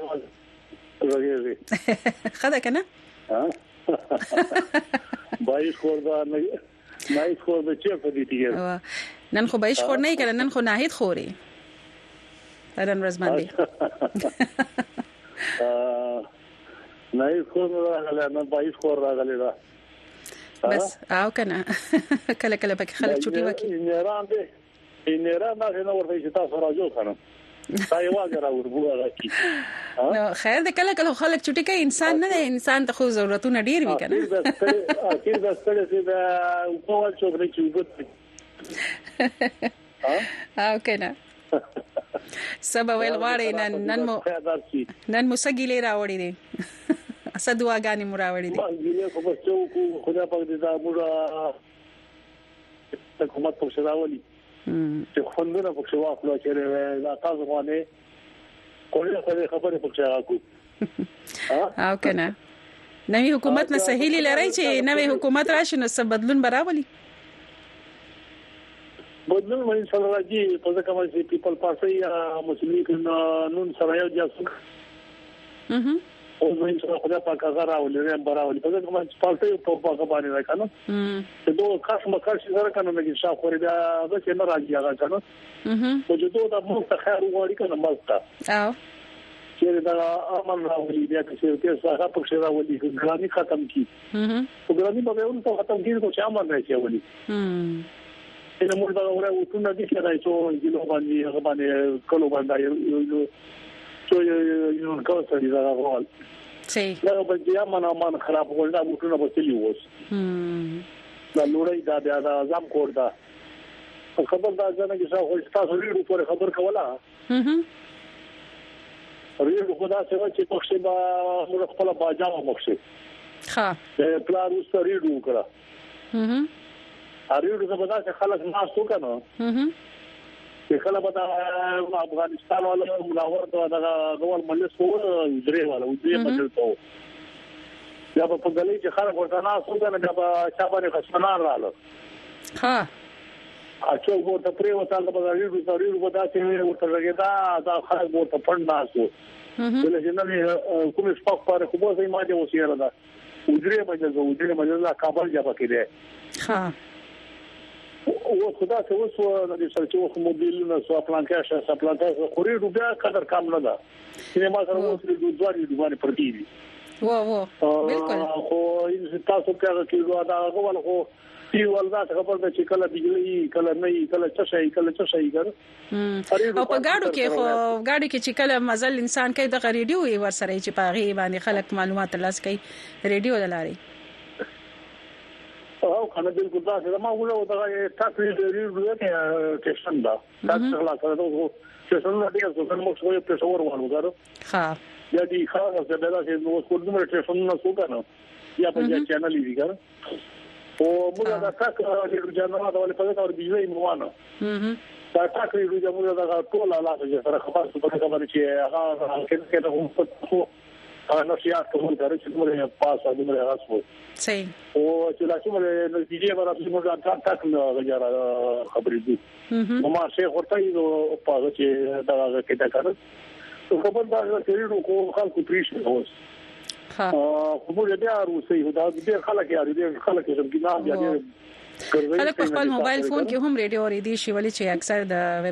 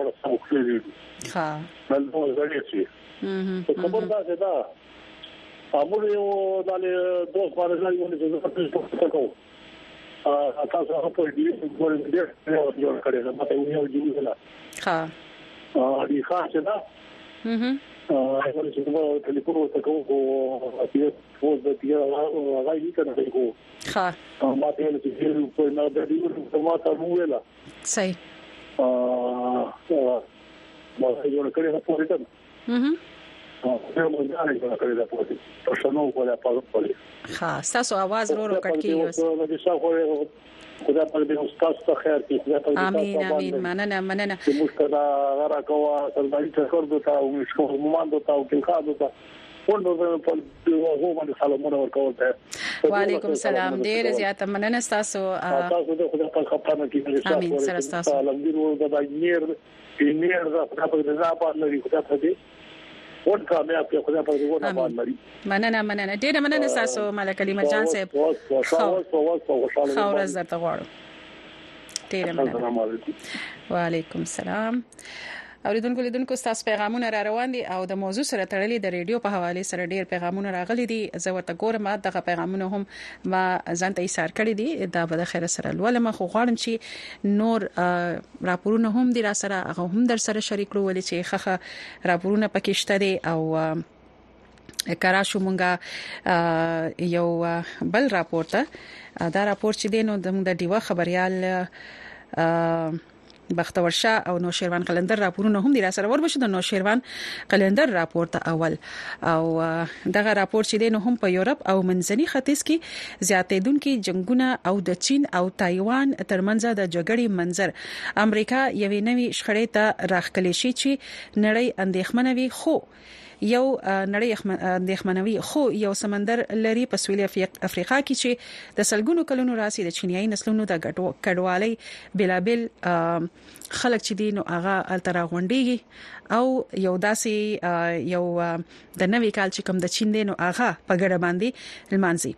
او د دغه دستوري په اړه باندې د وایس اف امریکا خبريالي کیټي بارټلیت یو راپور تیار کړی و چې زموږ د ډیوه همکار نو شیروان قلندر په کار کړی دی هغه هم تاسو وړاندې کوم د جوهانسبرګ نه بهر د تایوان په یو بود مت مندر کې په زورګونو خلک د چین کلیز ډریګن د ستور المانزي د تایوان مشته د بود مت سلسله چې ورته فوګانګ ویل کیږي دغه مندر جوړ کړي خو د چین او تایوان ترمنځ تقسیم د نوي کال په دې دستوره کې په نظر ناراضي ایروین پون د چینایي سویلي افریقایانو د سلورم نسل نه دی د سویلي افریقا په ګواتیک صوبه کې د یو چینايي سازمان مشر هم دی. زما په خیال د ټولې نړۍ د چینیانو لپاره که هغوی د تایوان وي که د چین، د هانګ کانګ وي یا بیا ځايي چینیان وي، د ټولو لپاره د سویلي افریقا دا ځای د رایوځای کیدو شریک بنیاد دی نو په حقیقت کې دې زیات متحد کړي دي. د اتلسمې پیړۍ په اخر او د نولسمې پیړۍ په اوله کې سویلي افریقا ته د یو شمیر چینایانو د کډوالۍ وجه د جوهانسبرګ مالداري وه. په اتلسمه او نولسمه پیړۍ کې بیا تایوانان راغلل او د کپړې او جامو کارخانې یې جوړې کړې. زیاته شمېره خلکو هغه وخت د چین نه سویلي افریقا ته هجرت وکړلو کله چې بیجینګ د کال دوه زرم په اوله کې نړۍ ته خپلې دروازې پرانستې. دوی د چین د صدر د کال دوه زره دیارلسم د عالمي اډاڼې پالیسۍ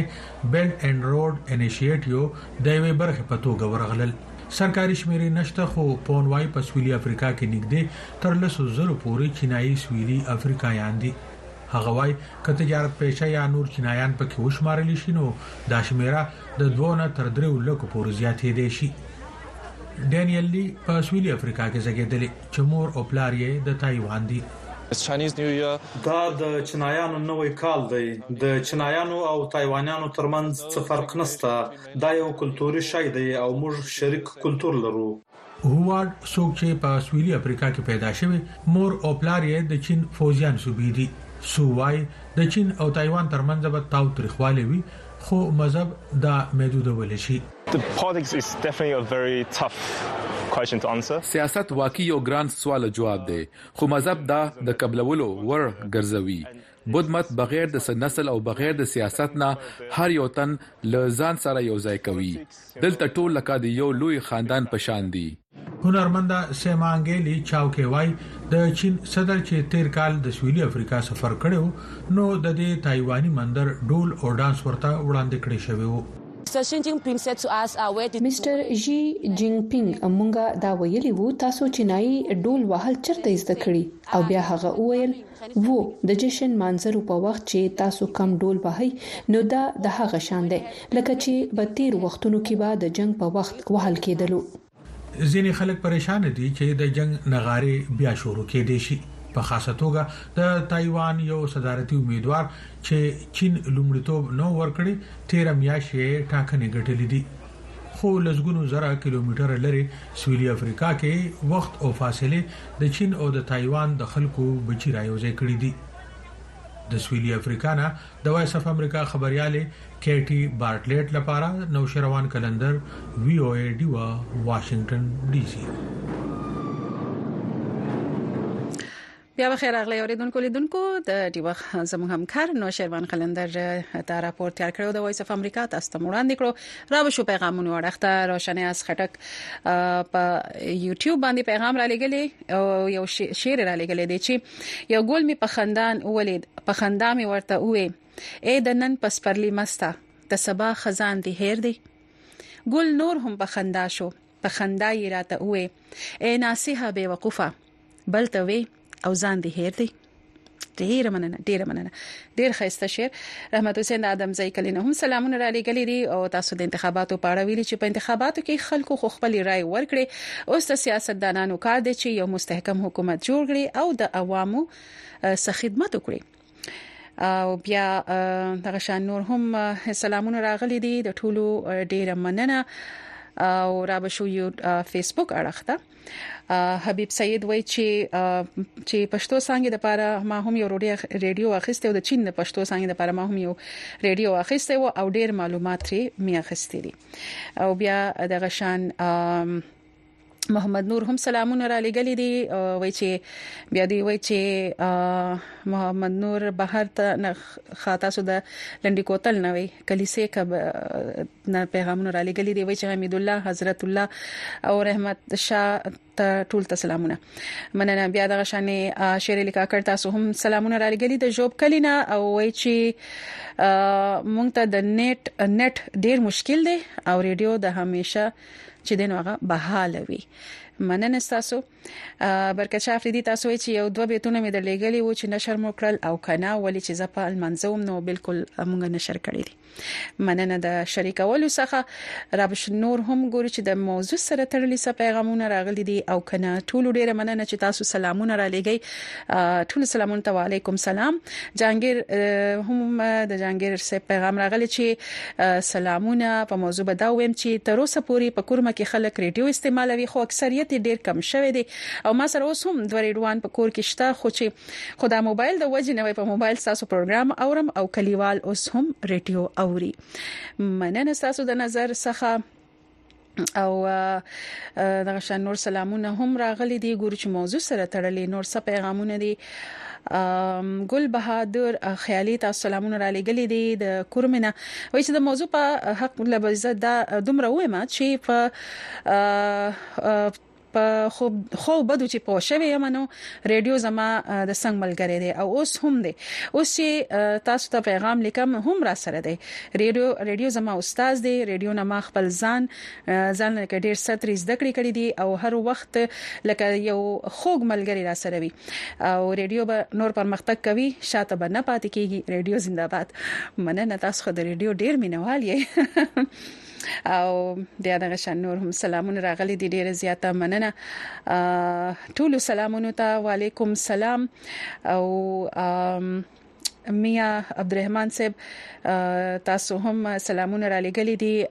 د ریډیو د نړیوال ورځ په مناسبت سره پیغام لیکل چې ریډیو په ټوله دنیا کې د نشر او اشاعت اسانه او ساده ذریعہ ده هر تعلیم یافته او بې تعلیم نر او ښځې ترې ډېره په اسانه استفاده کولای شي. په کورونو کې زنانه د کور کار کولو سره سره د رېډیو نه ښه ګټور معلومات، پوهه او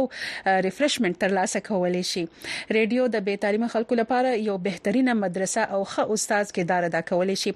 او ادا کوي بلکې تاسو لیکلي وئ ډېرې زنانه د رېډیو چې د زده کړې لپاره ورته د کور نه بهر د تلو موقع نه مېلاوېږي نو په خپل کور کې دننه ډیر ګټور معلومات ډیر په اسانه تر لاس کولای شي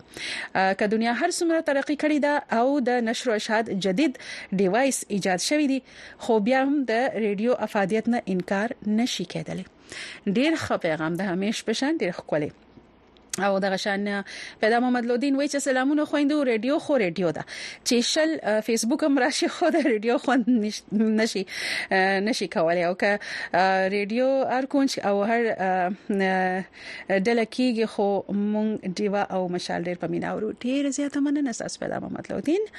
او بیا دغه شان نور هم سلامونه ته وعليكم سلام امن درويش وای چې سلامونه خورجانې پروګرام ډیر په ډیر زیات پزړه او په مینه ګورو ډیره مننه تاسو او سیف الله وای چې زما جوړنه تاسو ټول پروګرامونه وای زه ډیر خوښوم او ښه ژوند درته غواړم نو مننه تاسو ټول سلامونه را روان دي ډیره زیات مننه د سلامونو او دغه شان محمد عظیم کمال زئی تاسو هم د بشین څخه سلامونه را لېګلې دي او تاسو یې چې ووټونه هم عوام له تکلیف ورکوي او عوام ته سر چې کوم رسید رسیدو لپاره لاري دی او بازارونه دي هغه بندي نو مننه تاسو نور پیغامونه هم را روان دي خو غواړو چې یو بل راپور هم در سره شریک کړو د دې راپور نه چې راشو نو بس بیا خو به د یو خوندوري سندري هم وخت شوي وي خو ور به شو زموږ قدرمني ملګری بهشت تلاش یو ویډیو راپور باندې کار کړي غواړو چې هغه در سره شریک کړو یونیورسيټي اف پیپل د لوړ زده کړو وړیا انلاین پوهنتون په دوه زره نهم کې تاسیس شو او په دوه زره څوارلسم کې یې اعتبار ترلاسه کړو او د امریکا غیر انتفاعي پوهنتون چې هدف یې عام ولس زده کړو ته لاسرسی دی په دې اړه نور تفصیل به هم په دغه ویډیو راپور کې وګورو. کاترینا ګلوبوچینکو د اوکراین د مایکولایف څخه ده. کله چې روسیې د هغې هیواد اشغال کړ، هغه د لسانس سند ترلاسه کولو څخه یوازې درې میاشتې لرې وه. Everyone's. هر څوک په ویره کې له ښار څخه په وتلو کې وو، ټول کاروبارونه بند شو، په حقیقت کې هر څه بند شو. خو کلوبوچینکو خپلې زده کړې له لاسه ورنه کړې، هغې خپلو زده کړو ته دوام ورکړ، هغې کله نا کله د بمونو په پناه ځایونو کې زده کړې کولې او فارغه شوه. It was a. دا یو بشپړ ناورین وو، پرته د یونیورسټي اف پیپل څخه، چې ما وکړای شو چې د هغوی په مرسته خپلې زده کړې تکمیل کړم. د خلګو پوهنتون یا هم یونیورسټي اف پیپل ځان ته د امریکا له خوا منل سوی یو یونیورسټي یا هم پوهنتون دی چي د غیر انتفاعي انلاین پوهنتون په توګه وړیا زده کړي ورکوي. په هر صورت پوهنتون په بشپړه توګه وړیا نه دی. زده کوونکي باید د هر ټولګي له پاره د یو سلو څلوېښت او څلور سوه ډالرو تر منځ فیس ورکړي. زده کوونکي د لیسانس سند ترلاسه کولو لپاره شاوخوا پنځه زره ډالر مصرف کوي. د ماسټرۍ سند ترلاسه کولو مصرف د لیسانس په پرته لا یو څه کم دی. سربیره پر دې، پوهنتون د هغو خلکو لپاره د بورسونو سیستم هم جوړ کړی چې نسي کولای دا مقدار پیسې ورکړي. د بست کالج ډاټ کام په وینا، په دوه زره دوه ویشت کې په امریکا کې د څلور کلن عامه پوهنتون کې د زده کړې او فیسونو اوسط لګښت په کال کې شاوخوا نه زره شپږ سوه ډالر وو. د خلکو پوهنتون یا هم یونیورسټي اف پیپل په دوه زره نهم میلادي کال په سان فرانسیسکو کې د امریکايي اسراییلي سوداګر شایراشف له خوا تاسیس شوی چې وایي پوهنتون د نړۍ له ګوټ ګوټ څخه زده کوونکي مني. په زده کوونکو کې بې کوره، بې سنده زده کوونکي، په کورونو کې میندې او داسې خلک چې د ژوند له ډېرو سختو سره مخامخ یونیورسټي اف پیپل یا د خلکو پوهنتون څخه زده کړې ترلاسه کوي. افغانه کډواله ختیجه امیني د خلکو پوهنتون یا هم یونیورسيټي اف پیپل زده کوونکې ده چې په البانیا کې په موقت ډول وسیږي د هغې مور او پلار د افغان حکومت لپاره کار کوه ورسته له هغې چې طالبان واک ته ورسېدل د هغې کورنۍ د هیواد پریشدو ته اړسول او وس هغه د امریکا ویزه ته انتظار باسي دا د رپټین کې استایور افغان نجونې غواړي چې زده کړې وکړي. په رضاکارانه ډول د کور څخه په انلاین ډول زه اوس دوی سره په زده کړو کې مرسته کوم. نن ورځ د دوه سوه هېوادونو څخه شاوخوا یو لک دېرش زره زده کوونکي د خلکو پوهنتون یا هم یونیورسټي اف پیپل کې زده کړې کوي او شپږ ویشت زره کارمندان لري چې ټول یې رضاکاران دي. د خلکو پوهنتون یا هم یونیورسټي اف پیپل په سوداګرۍ، معلوماتي ټکنالوژي، روغتیا او ساینس په برخو کې زده کړې ورکوي. زه باور لرم چې زده کړه یو اساسي حق دی او په نړۍ کې هر سړی باید مستحق وي، فرصت برابرول دا هغه څه دي چې موږ یې کوو، موږ د لوړو زده کړو یو بیلګه رامینځته کوو تر څو وښایو چې لوړې زده کړې د ټولو لپاره د لاسرسي وړ او ارزانه دي. د خلکو پوهنتون یا هم یونیورسټي اف پیپل د نړۍ د لوړو زده کړو یو شمېر مخکښو موسسو سره کار کوي. دا د غیر انتفاعي موسسو لکه بیل او میلینډا ګیټس فاونډیشن، د ګوګل او انټیل په څېر شرکتونو څخه ملاتړ او مرستې هم ترلاسه کوي. بهشته تلاش، وي او ای ډیوه، واشنګټن ډي سي.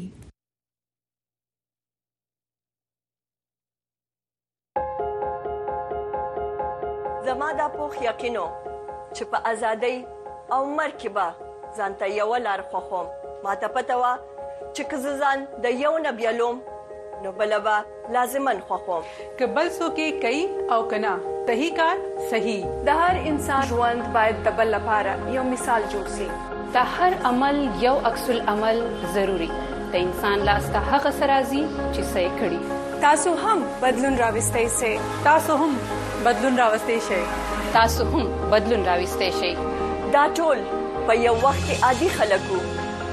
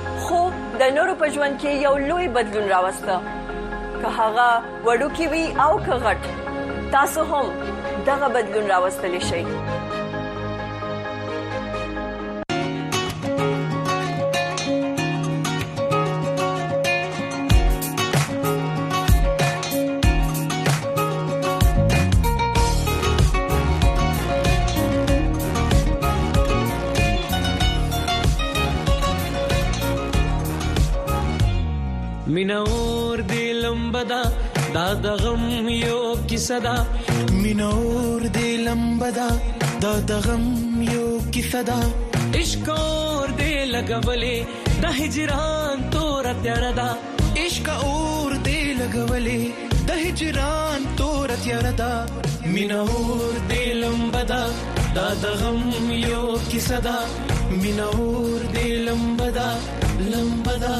لمبدا لمبدا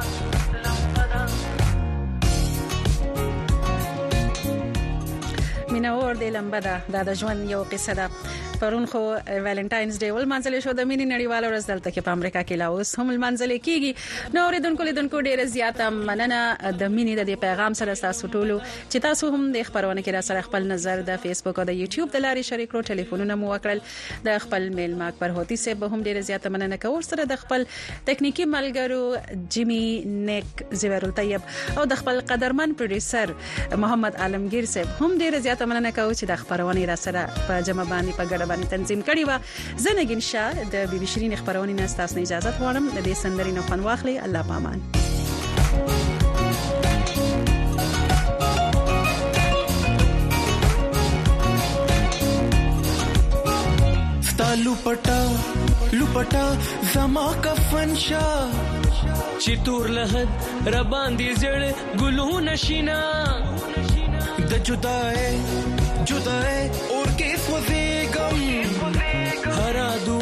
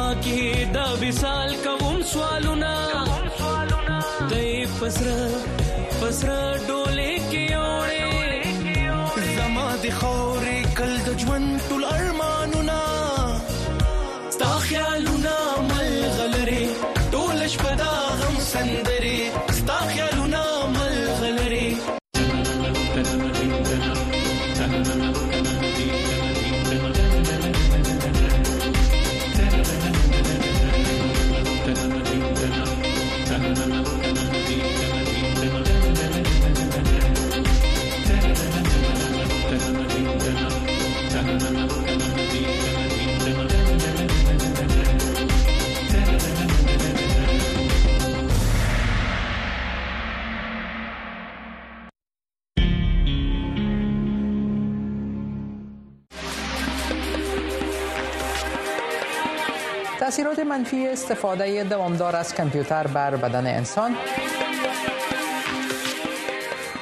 بالشت مخصوص برای بیماران مبتلا به میرگی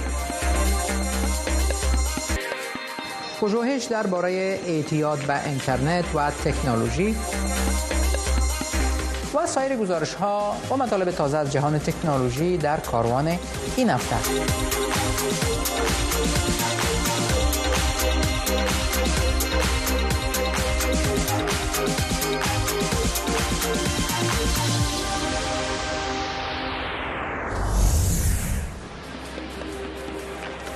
سلام داود صدیقی هستم و شما را به برنامه هفتوار کاروان خوش آمدید میگم آیا تا به حال در هنگام استفاده تلفن امرا و یا کامپیوتر در مورد وضعیت بدن خود فکر کرده اید؟ محققان میگویند که اکثر مردم به این موضوع توجه نمی کنند توجه نکردن به حالت کمر، شانه ها و گردن در زمان استفاده دوامدار از کامپیوتر و تلفن همراه باعث ایجاد ناراحتی ها در شمار از عضلات و مفاصل بدن انسان می شود شرح بیشتر در این گزارش امروز اکثر مردم جهان به های همراه و کامپیوترها دسترسی دارند مردم در زمان استفاده از این وسایل خود را تا حد خم می کنند و این وضعیت به بدن آنها صدمه می رساند این حقیقتی است که حتی دکتران نیز با آن روبرو می شوند دکتر لوشانکا گونوسیکا را در ناحیه گردن و عقب ها دچار ناراحتی شده و فکر می کند که باید ورزش کند بیشتر در ناحیه بالای پشت، گردن و شانه ها احساس درد می کردم و درد فقط به یک طرف بود. نتانیال میلندز، مربی تناسب اندام در ورزشگاه اورلاندو هلت می گوید که این درد به دلیل قرار گرفتن بدن در وضعیت نامناسب ایجاد شده بود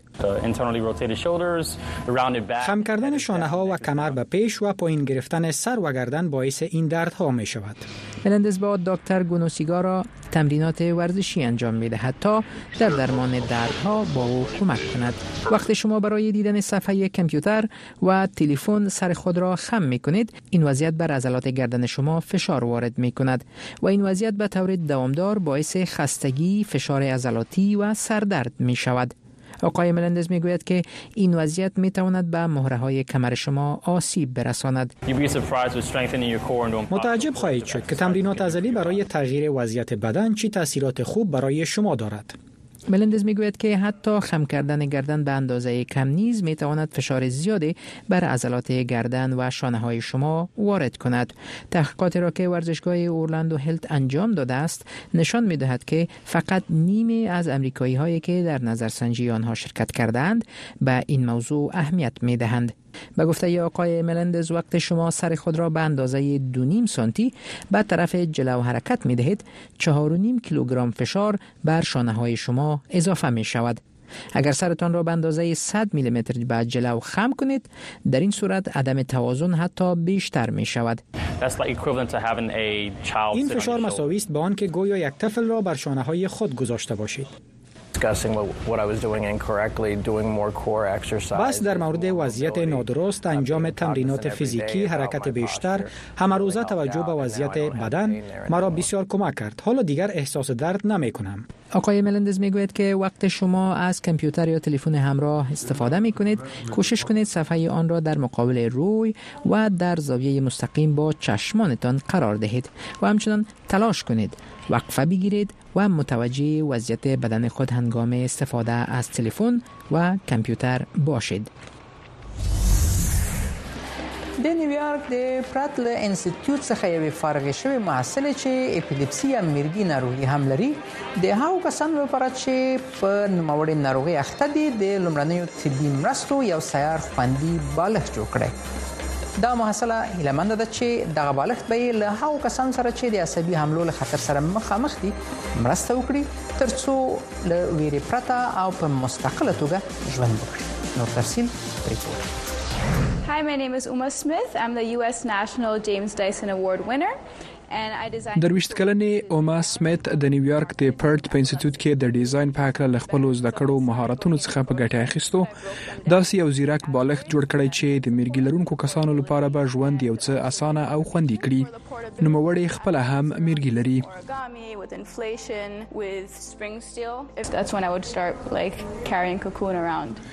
زه خپل ناروغي د دې کار کولو ته وهڅولم زه میرګی لرم او څلور ځلې را باندې د سه حمله راغلي چې روغتون ته وړل شوې يم درې حمله په ډیرو خطرناکو ځایونو کې را باندې راغلي او شاوخوا مې د سه څوګ نه و چې پوشي کله چې د میرګی حمله راځي باید څه وکړي په همدې خاطر هغه دغه سیار خوندي بالښت جوړ کړی چې د میرګی لرونکي کس سر د حمله په وخت کې خوندي وساتي او د حمله په صورت کې د ناروغ شاوخوا موجودو خلکو ته د لومړنیو طبي مرستو لارښوونه وکړي نوموړې وایي، له دغه خوندي بالښت څخه باید هغه وخت کار واخیستل شي چې ناروغ په خپلو سترګو کې د حملې علایم یعنې د رڼا او تیارې احساس وکړي. کله چې ناروغ د حملې احساس وکړي، بالښت خلاصوي او د هغه لپاره خوندي محفظه ورنه جوړیږي. دا ډول خلاصیږي او سر دلته له دغه پوښ لاندې ننه ایستل کیږي. پوښ د ناروغ سر په بالښت باندې ساتي چې د ناروغ د نفس د بندیدو مخه ونیول شي. عابرینو او له ناروغ سره نږدې نورو کسانو ته د لمړنیو طبي مرستو لارښوونې د بالښت په پوښونو لیکل شوي او که چیرې ناروغ بالکل یوازې وي د محفظې په داخل کې ځای پر ځای شوی سنسر حمله کشفوي او که چیرې حمله له 15 دقیقو زیاته شي امبولانس ته زنګ وهي. د امریکا د ناروغیو د کنټرول او وقایې د ملي مرکز د معلوماتو له مخې په دغه هیواد کې 3.4 میلیونه خلک میرګي لري. زما اختراع د میرګي لرونکو کسانو لپاره یو خوندي سیار بالښت دی. د دغې خوندي محفظې په جوړولو سره آغلې سمیت د جیمز ډیسن په نامه د امریکا ملي جایزه وګټله. دغه جایزه ځوانو مخترعینو ته ورکول کیږي. هغه غواړي چې اختراع په نړیواله کچه هم جایزه ترلاسه کړي. په یوې کښتۍ بار د هایدروجن یو معلق لابراتوار 25 هیوادونو ته خپل سفر بشپړ کړ دغه معلق لابراتوار ډیر قرار حرکت کوي او خپل انرژي له لمر، باد او هایدروجن څخه اخلي او هیڅ ډول مضر غاز نه تولیدوي په دې اړه دا رپورټ وګورئ. د لندن د تیمز په سیند کې د هایدروجن معلق لابراتوار چې ډیر خلک یې د پاکې انرژۍ راتلونکی بولي سفر کوي. په میلیونونه کښتۍ زموږ د خوراکي توکو او پوښاک په ګډون ډول ډول شیان لیږدوي. هر څه د سمندري ترانسپورت له لارې لیږدول کیږي. په همدې خاطر موږ ته پکار ده چې په مځکه باندې د اغیز د کمولو لپاره یو حل لاره پیدا کړو. د انرژي ابزرور په نامه دغه معلق لابراتوار په دوه زره او لسم کال کې له فرانسې څخه خپل سفر پیل کړ او پنځه ویشت هېوادونو ته یې سفر وکړ. دغه کښتۍ خپله انرژي له لمر، باد او اوبو څخه ترلاسه کوي او ډېر ورو حرکت کوي چې په دې توګه مضر ګاز نه تولیدوي. دلته دغه الکترولایزر واقع دی. دا یوه ډېره مهمه وسیله ده. موږ دلته د اېچ دوو یا اوبو مشهور مالیکول تجزیه کوو او له هایدروجن څخه اکسیجن جلا کوو. دغه ماشین اوبه جذبوي او په عناصرو یې تجزیه کوي چې د لمر او باد په نشتوالي کې ورڅخه د سونګ د کومکي موادو په توګه کار اخلي. که د مثال په توګه د شپې له خوا انرژي ونه لرو، نو په کښتۍ کې له ذخیره شوي هایدروجن څخه کار اخیستلی شو. هایدروجن په الکترو میخانیکي حجرو کې ساتل کیږي. که څه هم کوم سیستم چې موږ لرو ډیر د ډاډ وړ دی، خو د ګاز په شکل د هایدروجن د ذخیره کولو لپاره د خوندیتوب یو شمیر مسایل شته چې باید حل یې کړو. د کښتۍ چلوونکی وايي، په هایدروجن چلیدونکې یوه کښتۍ د دې کوچني کښتۍ سره په مقایسه کې خپل مشکلات لري، خو زیاتوي چې د دوی زیار ښه نتیجه ورکړې. په همدې تېر اوړي کې زموږ سره په کښتۍ کې ساینسپوهان سپاره وو او موږ وکولای شول د کنګل د لویو ټوټو د ویلي کېدو له امله د اقلیم د تودوخې اندازه ولګوو. د اقلیم بدلون نه یوازې دوامداره، بلکې ډېر چټک دی. د دغې کښتۍ بیه شاوخوا شپږ اعشاریه پنځه میلیونه ډالره ده او چلوونکی وایي د هرې بلې ټکنالوژۍ په توګه به یې د پرزو بیه په راتلونکو کلونو کې راټیټه شي.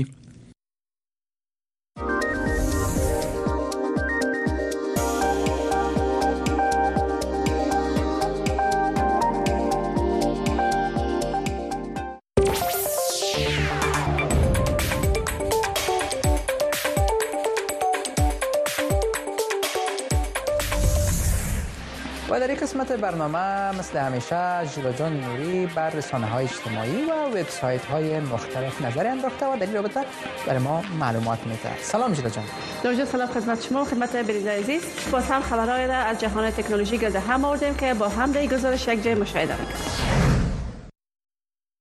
در میان گزارش های جالب از جهان تکنولوژی در این هفته شرکت گوگل اولین نوع کامپیوتر پیشرفته کوانتوم با قدرت بزرگ و سری را ساخته است گروهی از متخصصان تکنولوژی شرکت گوگل نوع ماشینی را ساختند که به شکل افسانوی به عنوان ترین کامپیوتر جهان کار خواهد کرد این کامپیوتر کوانتوم سوپریمسی یا برتری کوانتومی نامیده شده است رئیس شرکت گوگل این خبر را اعلام نمود و گفت اکنون وقت آن رسیده است که با کامپیوتر با سرعت فوق‌العاده معرفی شوید دانشمندان میگویند نوع جدید کامپیوترها ماشینهایی هستند که با سرعت بالاتر و کمیت زیاد کار میکنند این کامپیوترها در ظرف دو ثانیه کاری را انجام می دهند که کامپیوتر معمولی در ظرف ده هزار سال انجام می دهد. شرکت آی بی ام که رقیب شرکت گوگل در ساختن هاست از ساختن نوع کامپیوترها اظهار شک و تردید نموده است. در گزارش جالب دیگر از جهان تکنولوژی پوش تلفن با پست ساخته شده است که کمی وحشتناک به نظر می رسد اما مانند پست دست برای تماس با باز کردن تلفن حساس است مخکیم نوی پوش را ساختن که تلفن هوشمند را مانند یک انصر زنده می سازد و پست رویان مانند نرمی پست دست احساس می شود و بیشتر واقعی به نظر می رسد پوش جدید نسخه دارد ساده و نرم و واقعی تر با چروک در حال حاضر مخکین تصمیم ندارد این نوع تلفن را که در واقعیت می توان را پست روی تلفن گفت و بازار عرضه کنند پست روی تلفن برای آنها کمک می کند تا برخی از وسایل دیگر را به شکل زنده بسازند آنها می گویند تلفن تلفن جدید برای کاربران مانند استفاده تچ یا تماس با آیپد یا لپتاپ خواهد بود در گزارش جالب دیگر از فرانسه چوب چوبهای دول هوشمند جزء نمایشگاه سالانه لوازم برقی شهر پاریس فرانسه بود در این نمایشگاه بازدید کنندگان با انواع تولیدات جدید تکنولوژی معرفی شدند سنسورهای دولزن برقی و ماشینالات پیشرفته مخلوط کننده و برخی از وسایل جدید تکنولوژی جزء این نمایشگاه بودند دو فرد مبتکر یک شرکت تکنولوژی فرانسوی با نوع چوبهای موسوم به سنس استروک با ضربه حساس برای افراد به طور عملی دول زدند با این نوع چوبها در هر نوع سطح خانه مانند یک دول نواخت در گزارش جالب دیگر این هفته از بریتانیا بلو بل مانیتور پوشیدنی هوشمند است که به شکل یک دکمه ساخته شده است و برای لباس کودک نصب می شود این تکنولوژی جدید برای والدین کمک می کند تا بهتر از وضعیت کودک با خبر باشند این مانیتور کوچک با کیفیت بالای صدا دیزاین شده و صدای تنفس کودک را بهتر میرساند و اگر در موقعیت باشد که ممکن نفس کشیده نتواند یا اکسیژن برایش نمیرسد به مادر خبر میدهد این نوع مانیتور کودک اندازه خواب کودک را ثبت کند و اگر درجه حرارت کودک بالا برود نیز آن را نشان میدهد مانیتور هوشمند بلوبل با ساعت و تلفن هوشمند مادر یا پدر هماهنگ می شود و همه معلومات را میفرستد قیمت بلوبل کمتر از 400 دلار است よ し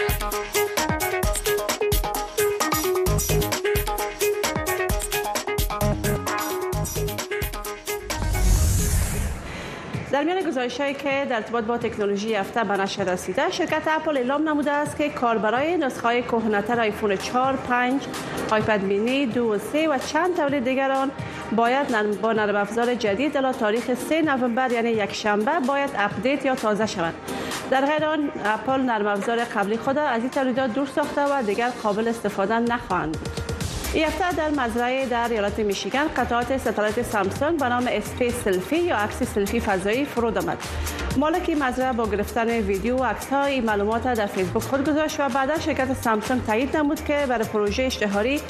عکس کمره های سامسونگ جدید ای ستالایت با عکس های افراد در اپلیکیشن از او به فضا فرستاده بوده شرکت گوگل برای کمک برای جلوگیری از اعتیاد به تلفن های هوشمند شش اپلیکیشن جدید برای وضعیت روحی و صحی بهتر افراد اضافه کردند اپلیکیشن پست مانع سرازیر شدن ایمیل های نخواسته میشه مورف اپلیکیشن دیگر است که استفاده تلفن نظر به نیاز روزمره شما تنظیم میکنه و دیزرت آیلند برای افراد که میخوان آرامش خود دریابند ساخته شده یکی از ویدیوهای معروف یفته در یوتیوب گزارش جالب از تیم تریز یا تیم درختان است که دو درون ها برای غرس درختان استفاده کرده این کمپاین که توسط چند جوان به پیش برده میشه قرار است 20 میلیون درخت در سراسر آمریکا برای مبارزه با تغییرات اقلیمی غرس کند برای غرس درختان در نقاط خطرناک انسانها رفتن میتونند از درون ها استفاده شده است یفته یکی از پوشاک های هوشمند برای سلامتی افراد ساخته شده عینک های نرم نام داره که بر افراد کمک میکنه بدون نگاه کردن به صفحه تلفن خود همه معلومات را در شیشه های عینک ببینند شیشه های عینک برای سلامتی چشم ها با دستی خاص دیزاین شده در دو طرف فریم از او تکمه های وجود داره که می توانید که تلفن خود پاسخ بدین و با گزینه دستیار صدای الکسا شما می توانید کاری که خواسته باشید عینک برای شما انجام بده قیمت عینک های هوشمند نور حدود 300 دلار است قلم هوشمند به نام پرنت پن کار یک چاپ کننده را دارد این قلم نظریات و پیام معلومات را که میخواین برای پوست، صفحه کاغذ و سطوح مختلف مثل پارچه ها بوت و غیره چاپ میکنند این قلم با لیزر و رنگ خاص کار میکند این قلم بسیار کم مصرف داره و با گذاشتن آن روی تخته می توانید با آن نقاشی کنید فرند پن کوچک و سبک است و انتقال آن مشکل نیست و قیمت حدود 100 دلار است وسیله جدید به نام پارا متر اندازه است که با لیزر کار میکنه این وسیله کوچک و قوی با چراغ لیزر از سطوح مختلف و فاصله های مختلف میتونه گیری کند پارا زده تکان و ضد آب است بطری کم مصرف داره و در عین زمان برای استفاده و اشکال مختلف نیز مفید است قیمت آن حدود 179 دلار است که شامل یک پایان نیز میشه که روی آن پاران میتوان نصب کرد و گیری نمود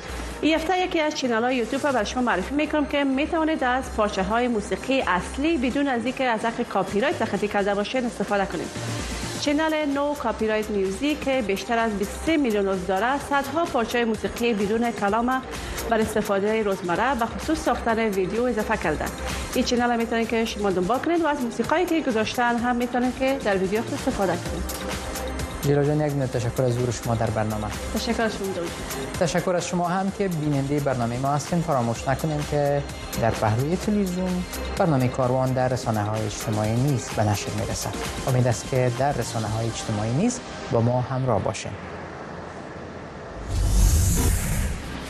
اینترنت در پهلوی اینکه های زیادی را در زندگی ما ایجاد کرده مشکلاتی را نیز به میان آورده است مطالعات نشان میدهد که اعتیاد به اینترنت به طور خاص در میان جوانان رو به افزایش می باشد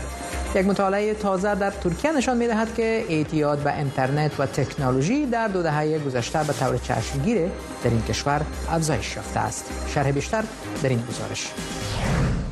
در حال حاضر بیش از 60 درصد نفوس جهان به اینترنت دسترسی دارند و در کشورهای توسعه یافته کامپیوتر در خانه، محل کار، مکتب و حتی در دست هر فرد وجود دارد اما بر اساس آمار سازمان صحی جهان استفاده بیش از حد از اینترنت تلفن‌های همراه، بازی‌های کامپیوتری و وسایل هوشمندی دیگر می تواند عواقب منفی بر سلامت انسان داشته باشد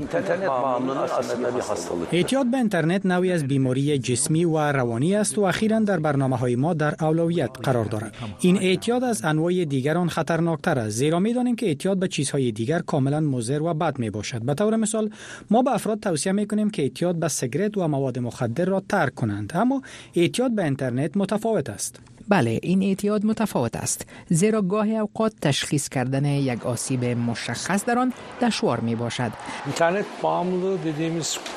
اعتیاد به اینترنت را می توان اعتیاد به تکنولوژی نیز نامید گرفتن عکس های سلفی و استفاده از تلفن های آن را جوانب دیگر می باشد این یک بیماری روانی است ولی درمان طبی ندارد باید با آموزش با آن مقابله کرد و باید مطالعات عمیق در این باره صورت بگیرد بر اساس تحقیقات انجام شده از سوی انستیتوت آماری ترکیه در سال 2019 بیش از 75 درصد مردم آن کشور که بین 16 تا 74 سال عمر دارند از اینترنت استفاده کرده اند. همچنان در 88.3 درصد خانه های ترکیه اینترنت وجود دارد.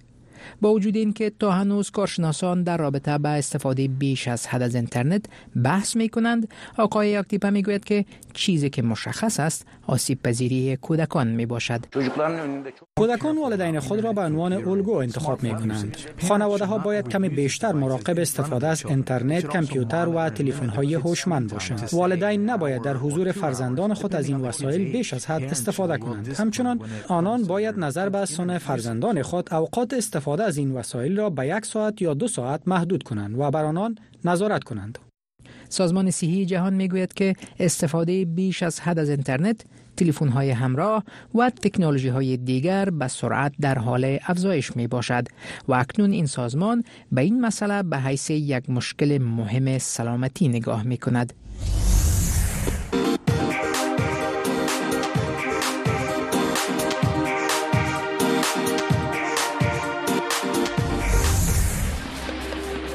روی کار آمدن موترهای بدون راننده خواهد توانست افراد مسن را در رفت آمد روزمره کمک کند برای یافتن پاسخ به این پرسش شهر کاندیرای استرالیا موترهای بدون راننده را آزمایش می کند و می خواهد با استفاده از این موترها افراد مسن را در رفت آمد روزمره کمک کند شهر بیشتر در این گزارش ماری کایر زن مسن و باشنده شهر کانبیرای استرالیا در چوکی راننده نشسته و تنها رانندگی می کند اما این موتر ویژگی خودرانی دارد و ماری را در رانندگی تا حد زیاد کمک می کند ماری در آزمایش موترهای خودران شرکت کرده تا بخشی از هایی را که موترهای خودران در آینده ایجاد خواهد کرد تجربه کند معمولا اعضای خانواده مرا در موتر به هر جا میبرند در حالی که در این موتر می توانم رانندگی کنم و لازم نیست به افراد دیگر متکی باشم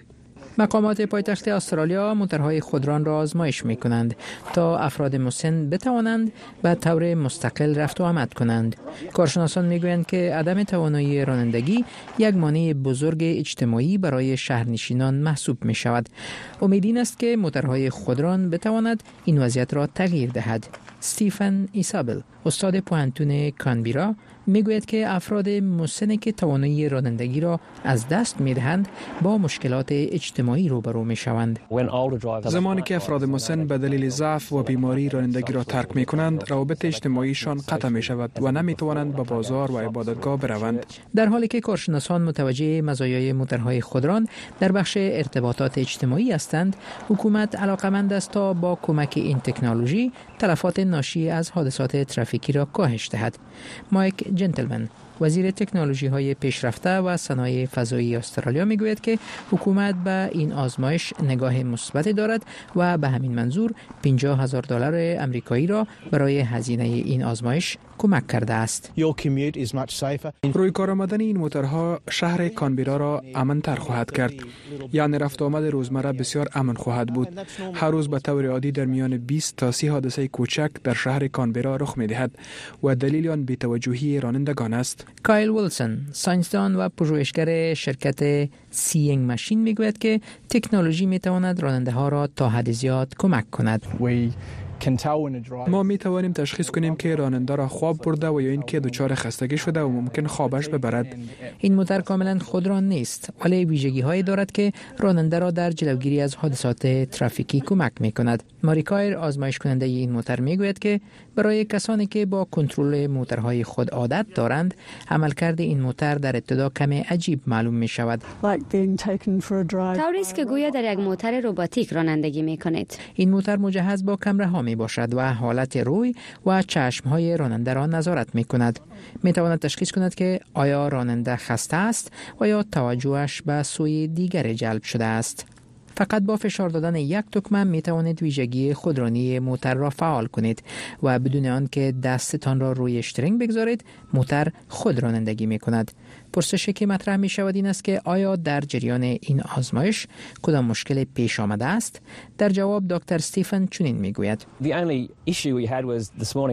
یگانه مشکلی که داشتیم این بود که امروز صبح یک کانگرو دفتن از جلوی موتر خود ران گذشت گذاشتن کانگرو و حیوانات دیگر از جلوی موترها در جاده های استرالیا یک مشکل عمومی می باشد